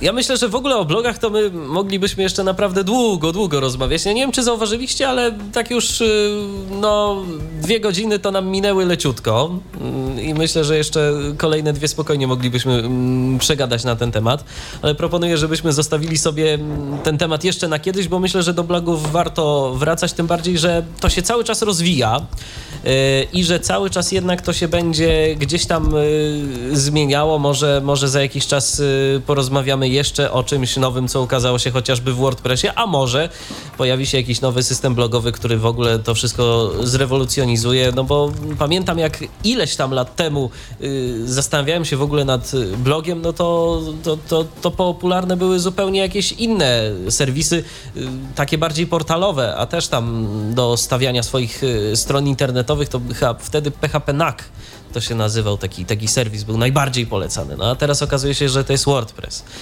A za jakiś czas pewnie będzie, będzie jeszcze co innego. W każdym razie, tak podsumowując naszą dzisiejszą audycję, ja myślę, że wszyscy zachęcacie naszych słuchaczy, jeżeli tylko mają do powiedzenia coś, co chcieliby światu gdzieś tam przekazać do, do blogowania, prawda? Warto. E, nie. Okej. Okay.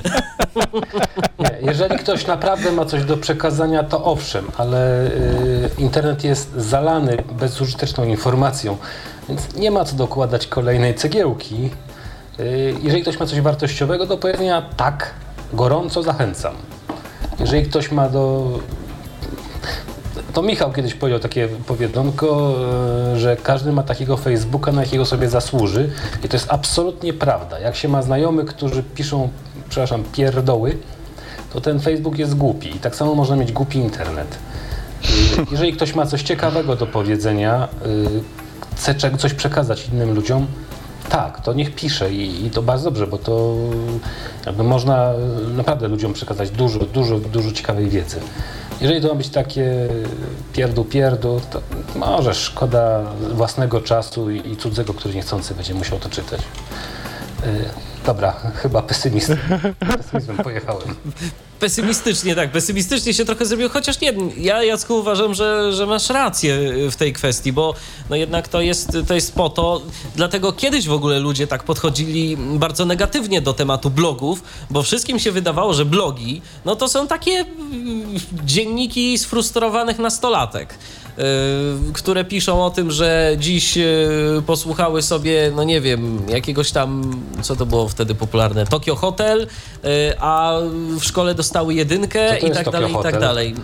To ja pamiętam, że to był taki zespół popularny zespół? W, roku, w latach chyba 2004-2005, jakoś tak, taki bardzo młodzieżowy, ale, popularny. Ale wiesz co, Michał, dalej tak jest, jak mówisz, bo to jest tak, że wiesz, my się zajmujemy jakąś taką tematyką, która, która jest trudna dosyć i, i wiesz, gdzieś tam na, należy jej się większa promocja, ale powiem Ci, że no, znam takie blogi, wiesz, są ludzie, którzy na przykład y, nawet utrzymują się z tego, że chodzą na promocje do różnych sklepów i mierzą różne rzeczy, robią fotki, a później wrzucają to na blogi i tam tysiące ludzi to komentuje, tysiące ludzi o tym rozmawia. Wiesz, to też jest potrzebne, no, tylko, y, tylko wiesz, no to trzeba w tym wytrwać, to, to trzeba w tym wytrwać, trzeba mieć czas, trzeba mieć, wiesz, Chęci. bogatych rodziców, kibiców, sponsora, wiesz. Musiałbyś zdrowo mi uzasadnić, że to jest potrzebne. No nie, ale wiesz, no dla tysiąca osób Michale, to mikrofon. ma jakieś znaczenie, nie? Przepraszam, dla tysiąca osób to jakieś znaczenie ma, skoro, skoro ktoś to czyta, tak? No wiesz, teraz mamy konkurs na bloga roku, e, który co roku jest rozgrywany. Mnie on trochę irytuje, ponieważ głosuje się SMS-ami, więc kto ma więcej znajomych gotowych e, wysłać SMS-a, ten, ten wygra, niezależnie od tego, jaki, jaki jest poziom i grafiki, i dostępności, i, i tekstów, które się tam pojawiają. Więc po prostu nie, nie biorę udziału w tym konkursie i, i no, no, irytuje mnie to, a później się okazuje, że wygrywa jakiś blog, gdzie, gdzie ludzie się pasjonują e, gotowaniem na patelni teflonowej na przykład i cały blog jest o, o patelniach teflonowych. No, no, i, I ktoś nie dość, że tego potrzebuje, to jeszcze ktoś to nagradza, więc no... No niewątpliwie użytkowników patelni jest, teflonowej, no. Michale, jest wiele. Wiele no, użytkowników. Żebym, żebym do końca był dobrze zrozumiany. Ja nie zniechęcam, ja tylko nie zachęcam. To taka różnica. Jest taka Jeżeli ktoś ma potrzebę, to, to internet niesie wszystko, natomiast no... Użytkownicy już gorzej. internetowa zrobiona jako pastisz, która się nazywa zjemcikota.pl i można sobie tam poczytać tysiąc przepisów z kota. No, re rewelacja, rewelacja. Okej. Okay. Mikołaju, a to co ty jeszcze tak tytułem podsumowania chciałbyś dodać?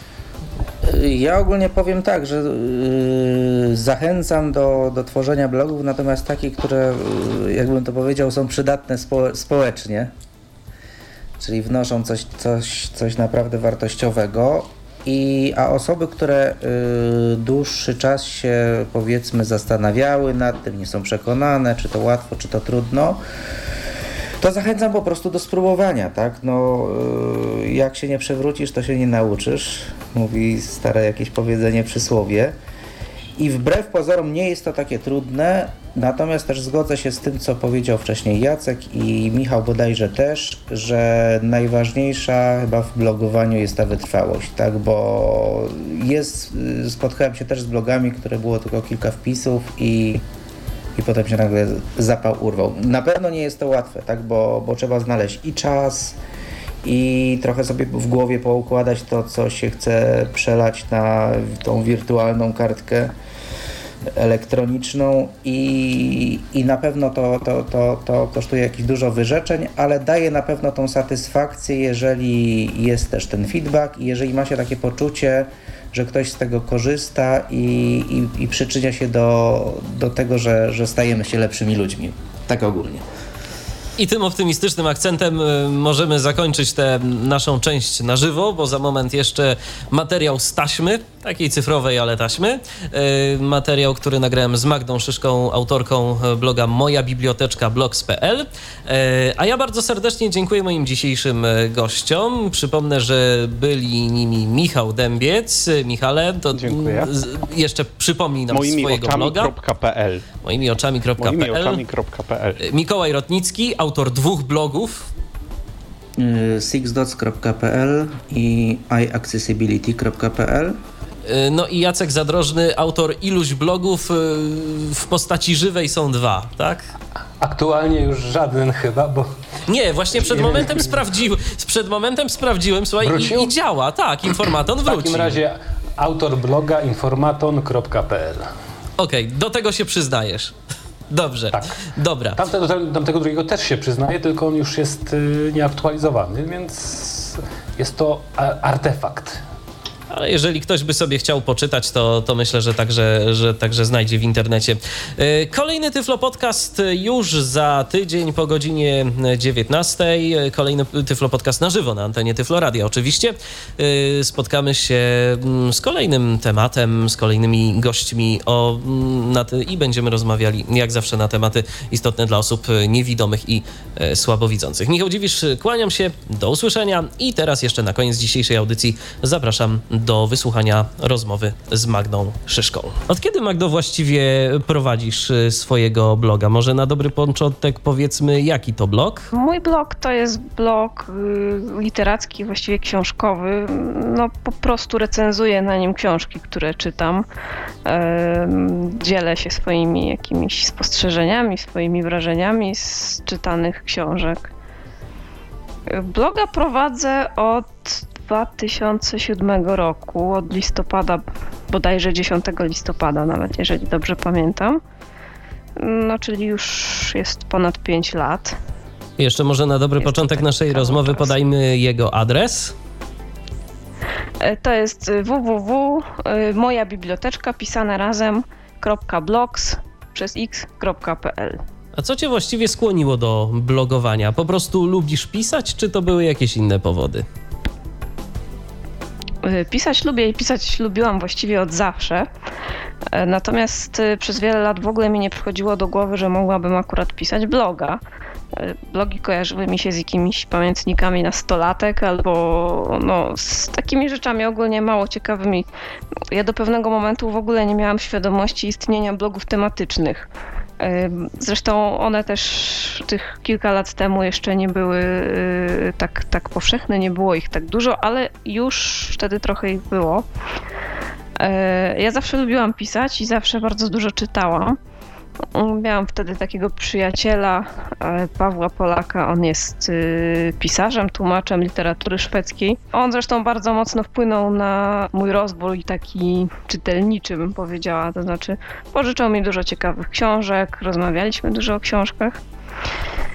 I kiedyś, y, ponieważ głównie wymienialiśmy maile, to kiedyś jakoś mu się tam spodobało coś, co napisałam o jakiejś książce i zaproponował mi, żeby to umieścić jako recenzję w jego księgarni internetowej. A potem kiedyś właśnie e, zapytał mnie, czy nie chciałabym takiego bloga założyć, bo, bo takie blogi istnieją on czytuje te blogi i, i, że no jakby te moje spostrzeżenia na temat książek e, i sposób, w jaki o nich pisze, no jest taki, że on uważa, że warto by było, żebym się tym dzieliła z innymi ludźmi. Dla mnie na początku to w ogóle było był jakiś taki dziwny pomysł, bo jak mówię, no po pierwsze blogi mi się kojarzyły tak, a nie inaczej, a po drugie miałam poważne obawy co do tego, czy, czy ja dam radę jakoś regularnie pisać, czy ja potrafię jakoś sensownie pisać na tyle faktycznie, żeby ktoś to czytał. E, no, różne takie obawy gdzieś tam miałam, no ale to taki był wtedy dla mnie jakiś nieszczególnie dobry czas z różnych tam względów i tak w pewnym momencie sobie pomyślałam, że właściwie co mi szkodzi, jakiś tam kawałek tej przestrzeni internetowej mogę mieć dla siebie i, i coś sama tam zrobić, a sto, co z tego wyniknie, no to wyniknie w końcu. Jak, jak się nie uda, no to można po prostu z tego zrezygnować. Poczytałam sobie też trochę innych takich podobnych blogów, e, zobaczyłam jak to ludzie robią. I tak się to zaczęło. Pisałam e, kiedyś bardzo regularnie, przynajmniej ze dwa razy w tygodniu albo i częściej. Teraz to już jest rzadziej. E, później w ogóle się dowiedziałam, że część blogerów prowadzi współpracę z wydawnictwami, czyli dostaje od wydawnictw książki do, do recenzowania.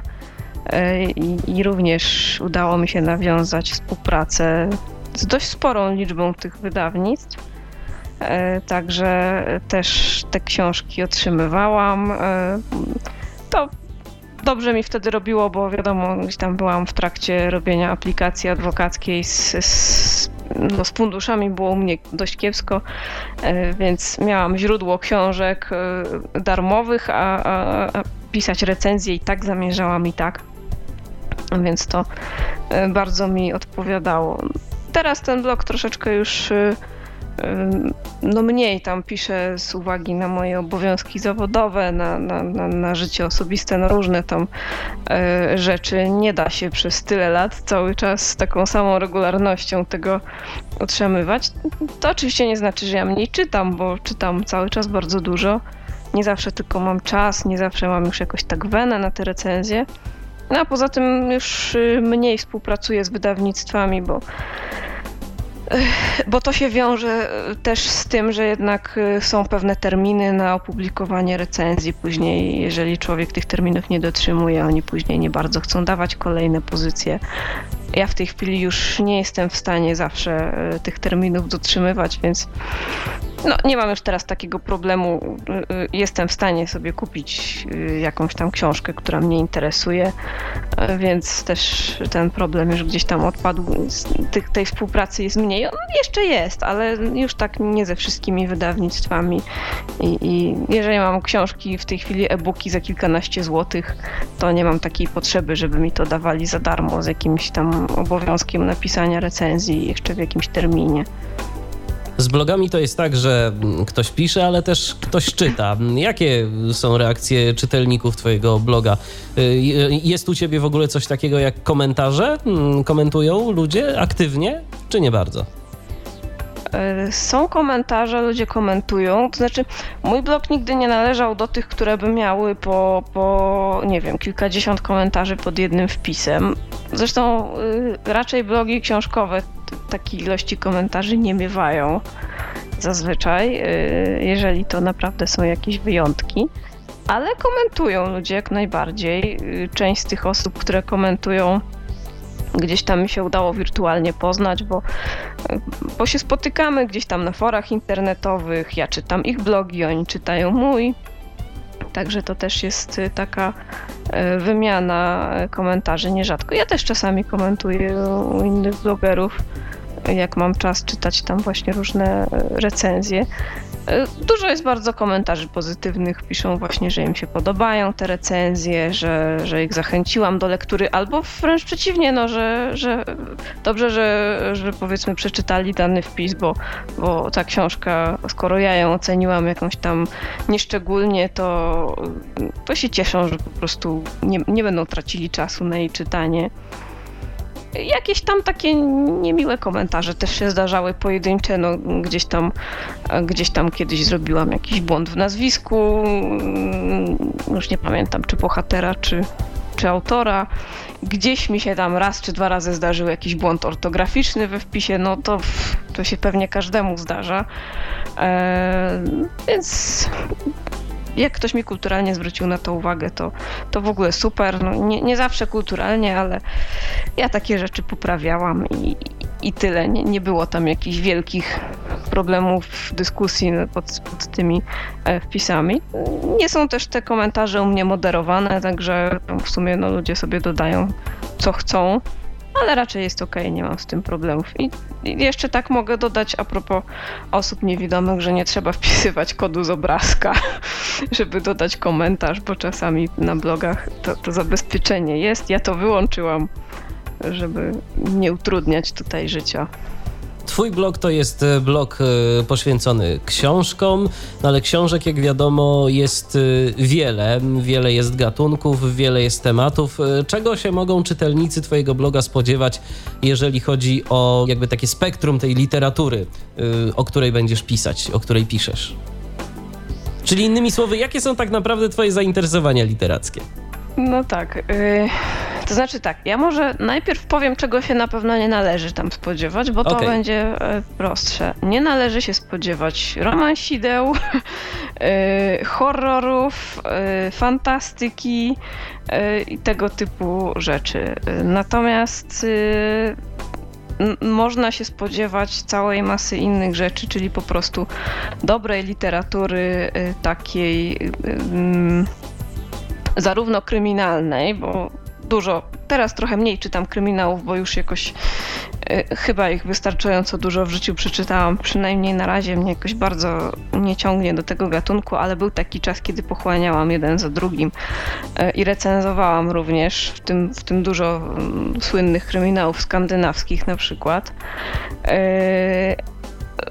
Również bardzo dużo jest tam recenzji takich po prostu dobrych powieści, y, no jak to tam zaklasyfikować, czy to psychologicznych, czy obyczajowych. Ja, ja nie lubię za bardzo wchodzić w takie klasyfikacje, natomiast y, mm, no, jest, jest tam dużo, jest, jest tam sporo znanych autorów ale też y, ja lubiłam zawsze i lubię do tej pory wyszukiwać sobie jakichś takich autorów, których nikt nie zna za bardzo, albo jakieś takie obszary mniej popularyzowane, jakąś literaturę. Na przykład sporo jest u mnie literatury bałkańskiej, y, literatury tureckiej, która no, teraz troszeczkę się bardziej spopularyzowała, ale, ale nie, niekoniecznie jest to jakoś tam dla wszystkich e, strawne. E, a w tej chwili takim głównym moim spektrum zainteresowań są tak naprawdę reportaże, czy jakaś tam szerzej rozumiana literatura faktu i teraz najwięcej e, recenzuję książek z tego gatunku. Rzeczywiście już już czasem mam wrażenie, że te najlepsze powieści y, to już chyba przeczytałam, albo w każdym razie, żeby trafić na coś y, naprawdę dobrego, to trzeba przeczytać sporo rzeczy średnich. E, natomiast literatura faktu, no właśnie, kiedy jest mowa o czymś, y, co jest autentyczne, kiedy się jakoś poznaje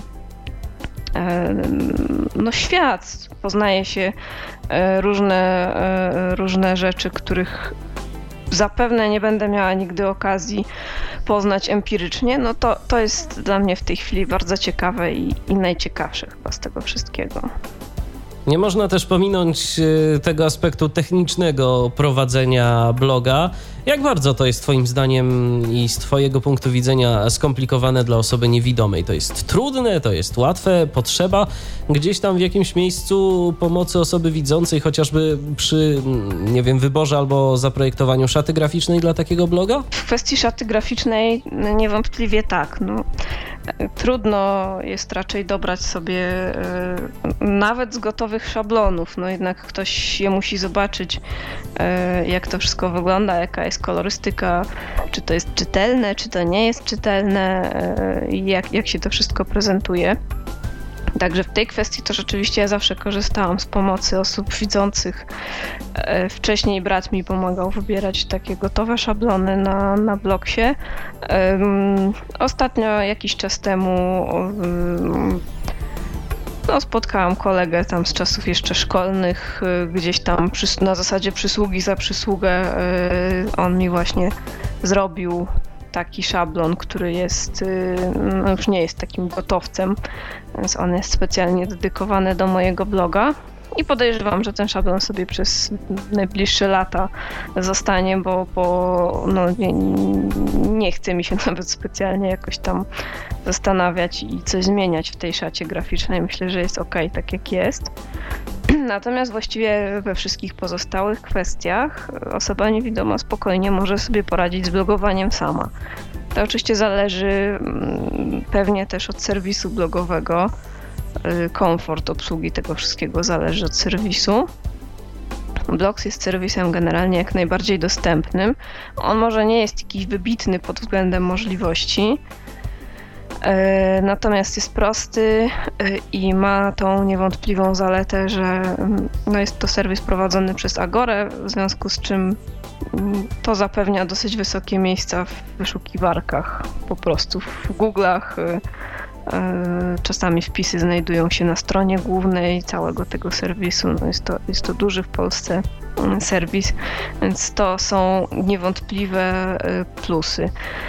No, to, czego na pewno ja nie robię na swoim blogu, a co robi wielu blogerów, to jest wstawianie jakichś zdjęć czy, czy jakichś tam obrazków, jakiejś grafiki. Wiem, że dużo blogerów piszących o książkach do y, wpisów y, załącza zdjęcia okładek książek, o których piszą. Y, ja tego nie robię, bo no, kiedyś w ogóle nie, nie miałam pomysłu, w jaki sposób miałabym te zdjęcia robić sama. Teraz by, być może jakoś by, mm, by to można robić, natomiast y, ja jestem trochę perfekcjonistką i yy, wydaje mi się, że jeżeli to. No, nie wrzuciłabym na bloga y, zdjęcia zrobionego samodzielnie, jeżeli by go ktoś przynajmniej nie obejrzał, widzący. A generalnie no to zawsze mi się wydaje, że jednak osoba widząca zrobiłaby to lepiej, a ja się nie chcę e, uzależniać po prostu.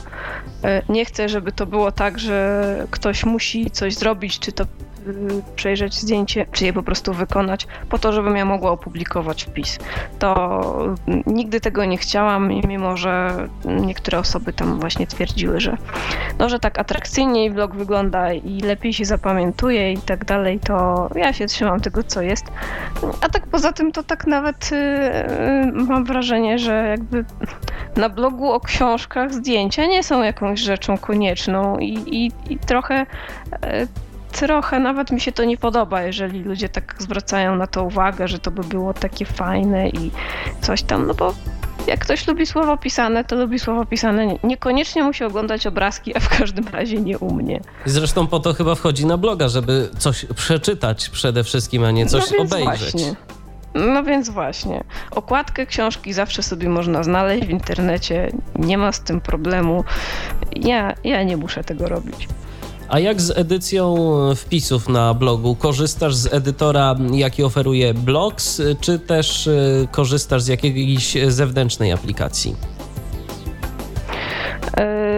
Nie korzystam z edytora, który oferuje Blogs, bo no, edytor ten nie jest zbytnio e, dostępny, a w każdym razie nie był na pewno jakiś czas temu. Ostatnio przyznam się szczerze, że po prostu tego nie sprawdzałam. To znaczy korzystam z tego najprostszego edytora, bo tam się wybiera jakiś tam prosty HTML zaawansowany HTML, jakoś tam, coś tam jeszcze. To znaczy, ja robię to w sposób absolutnie najprostszy i taki, może nawet ktoś by powiedział, że prymitywny, ale dla mnie to jest absolutnie wystarczające.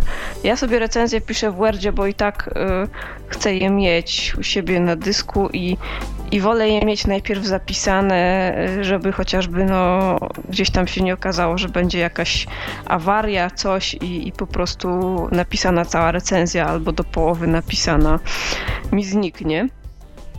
Także piszę je najpierw w Wordzie, y, a później z Worda wklejam to do tego najprostszego edytora na bloksie, a formatowanie, którego tam wiele nie ma, no bo w zasadzie akapity, jakieś tam przeniesienia do nowego wiersza, no ja, ja sobie po prostu ręcznie wstawiam znaczki HTML-owe, to nie jest jakiś wielki problem.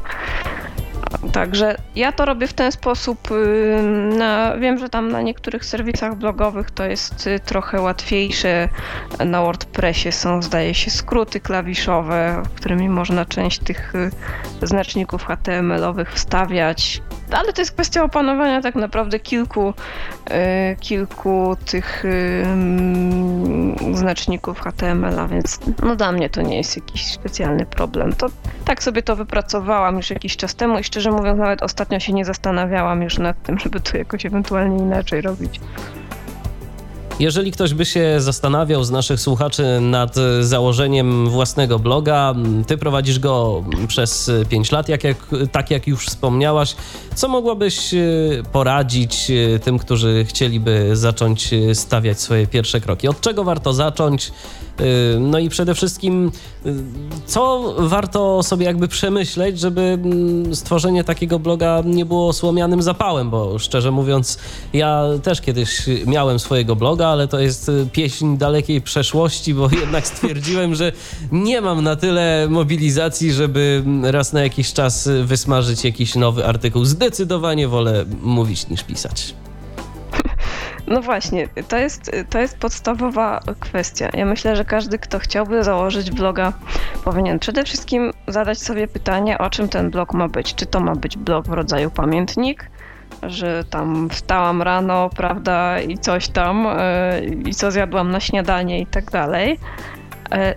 I czy to kogokolwiek interesuje, bo mnie szczerze mówiąc tego typu rzeczy niespecjalnie interesują, ale zdarzają się osoby, które i o banalnych rzeczach potrafią pisać w jakiś taki sposób intrygujący.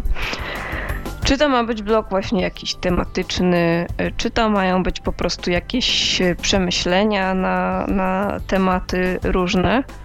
E, to jest pierwsza rzecz. E, ja, ja no nie jestem za bardzo zwolenniczką blogów o wszystkim i o niczym.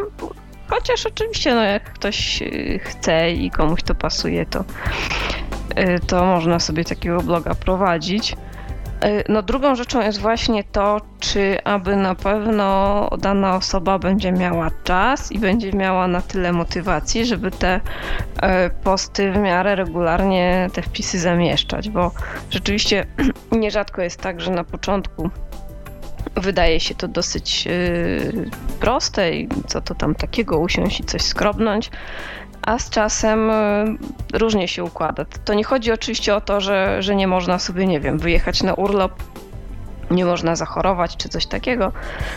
Yy, ja takie zdarzenia w swoim życiu też sygnalizowałam zawsze na blogu, kiedy nie pisałam przez jakiś czas. Ale faktem jest, że jest całe mnóstwo blogów w sieci, które no, których właściciele właśnie tak sobie założyli, coś tam zaczęli pisać. A potem się okazało, że im brakło zapału, weny, y, czegoś tam. Y, no, mówię, ja też w tej chwili nie piszę tak często i tak dużo, jak pisałam kiedyś. To też wynika po prostu z tego, że ja te moje recenzje, no to nie jest takie po prostu sobie pisanie na żywioł. Ja się staram to przemyśleć, y, poprawić, y, żeby to, no żeby to zasługiwało na miano recenzji, tak bym to ujęła. Nie każdy oczywiście musi w taki sposób pisać, bo niektórzy blogerzy piszący o książkach się zastrzegają, że to nie są recenzje, to są ich po prostu luźne przemyślenia na tematy książkowe. I to ma też swoje plusy, no bo z takim zastrzeżeniem można sobie tak w miarę na żywioł pójść, usiąść, po prostu coś tam napisać. E, jeżeli no już faktycznie się y, ktoś zdecyduje na prowadzenie bloga, uważa, że ma coś ciekawego do powiedzenia, że jest w stanie pisać jakoś w miarę regularnie, to warto się zastanowić niewątpliwie nad wyborem serwisu blogowego. E, ja tutaj polecam osobiście po prostu testowanie, bo każdy ma trochę inne jakieś swoje preferencje, każdy ma inne oczekiwania. Ja dzisiaj, gdybym zaczynała blogować, raczej nie wybrałabym Blogsa y, z tego względu, że są serwisy, które mają większe możliwości. Blog zresztą przez pewien czas no, był dosyć awaryjny i różne dziwne rzeczy się tam działy. Potem się to na szczęście poprawiło. Y, natomiast y, myślę, że warto przeanalizować sobie, jakie serwisy blogowe istnieją i się zastanowić faktycznie, który który by y, pasował. No z tych najpo, najpopularniejszych istnieje WordPress, istnieje Blogspot i warto moim zdaniem sobie to nic nie kosztuje. No, można sobie założyć konto, założyć sobie takiego testowego bloga, sprawdzić jak wygląda dodawanie wpisów, jak wygląda tworzenie kategorii, e, innych tego typu rzeczy, bo, e, bo to może mieć e, istotne, istotne znaczenie. Ja na blogsie e, na przykład w pewnym momencie zetknęłam się z takim problemem, że tam można było stworzyć tylko kategorie, w których były wpisy, wpisy do, do wpisów nie można było wtedy dodawać tagów. No i potem się pojawiało coś takiego, że do bloga tematycznego robiło się to bardzo niewygodne. Było mnóstwo wpisów. Trudno było tworzyć tych kategorii nie wiadomo ile. Ja jej tam dzieliłam na jakieś tam powieści kryminalne, reportaże, coś tam. No ale potem bywało tak, że recenzowałam ileś książek jednego autora na przykład i już ciężko było to wszystko znaleźć. W momencie, kiedy te tagi w końcu zostały wprowadzone, zresztą bardzo e, blogerzy na to naciskali, to też troszeczkę ułatwiło różne sprawy. Na WordPressie na przykład jest to dużo jakieś takie przyjaźniejsze, e, moim zdaniem. Ale mówię, każdy e, ma swoje jakieś tam preferencje, swoje podejście. To, co mnie się podoba, też nie musi się podobać każdemu. Także myślę, że można się oczywiście popytać znajomych, można sobie pooglądać różne blogi, ale zawsze niewątpliwie warto potestować sobie po prostu te różne serwisy. No, w, wypadku, w wypadku osób niewidomych myślę, że yy, należy też pamiętać właśnie o tej szacie graficznej, o tym, żeby te blogi yy, również jakoś wyglądały, żeby one nie były na tym najbardziej domyślnym szablonie, na którym jest całe mnóstwo innych blogów, yy, bo ludzie są jednak wzrokowcami najczęściej. Gdzieś po szacie graficznej te blogi zapamiętują, więc fajnie, żeby się blog wyróżniał. Dobrze, jeżeli można skorzystać z czyjejś pomocy, żeby wybrać jakiś gotowy szablon albo coś sobie tam zmodyfikować. E, no bo taki blog wygląda na faktycznie na taki zadbany, na, na blog, y, którego właściciel się stara, a nie tylko właśnie jakiś tam E, podstawowy szablon. No a potem to już zostaje to, co stworzyliśmy, wypełnić po prostu treścią i oby ta treść e, no, była satysfakcjonująca dla wszystkich, czyli zarówno dla samego autora bloga, jak i dla jego czytelników. Bo z czasem, e, z czasem no, niektóre blogi się rzeczywiście popularyzują, na to też trzeba czasu. To nie jest tak, że od razu sobie założymy bloga i zacznie nam się pojawiać całe mnóstwo osób. E, trzeba czasu, żeby się taki blog zaindeksował w wyszukiwarkach, trzeba czasu, żeby e, inni blogerzy pododawali sobie linki u siebie w zakładkach, bo w taki sposób sporo osób później też trafia. E, także to jest kwestia naprawdę wielu miesięcy, żeby jakieś przyzwoite statystyki się na blogu pojawiły zazwyczaj. Chyba, że jest to jakiś bardzo chwytliwy temat, no to e, wtedy e, pewnie szybciej, ale w takich tematach jak książki to, to nie jest tak szybko. Dziękuję Ci bardzo, Magdo, za rozmowę. Na koniec jeszcze przypomnijmy i zaprośmy naszych słuchaczy na Twojego bloga www.mojabiblioteczka.blogs.pl Zresztą w razie czego zawsze można wpisać w Google'ach po prostu Moja Biblioteczka, ewentualnie Moja Biblioteczka Magdalena Szyszka. Powinien ten blog wyskoczyć, ponieważ ja go prowadzę pod własnym nazwiskiem, e, więc on się powinien tam pojawić bez problemu. Był to Tyflo Podcast. Pierwszy polski podcast dla niewidomych i słabowidzących. Program współfinansowany ze środków Państwowego Funduszu Rehabilitacji Osób Niepełnosprawnych.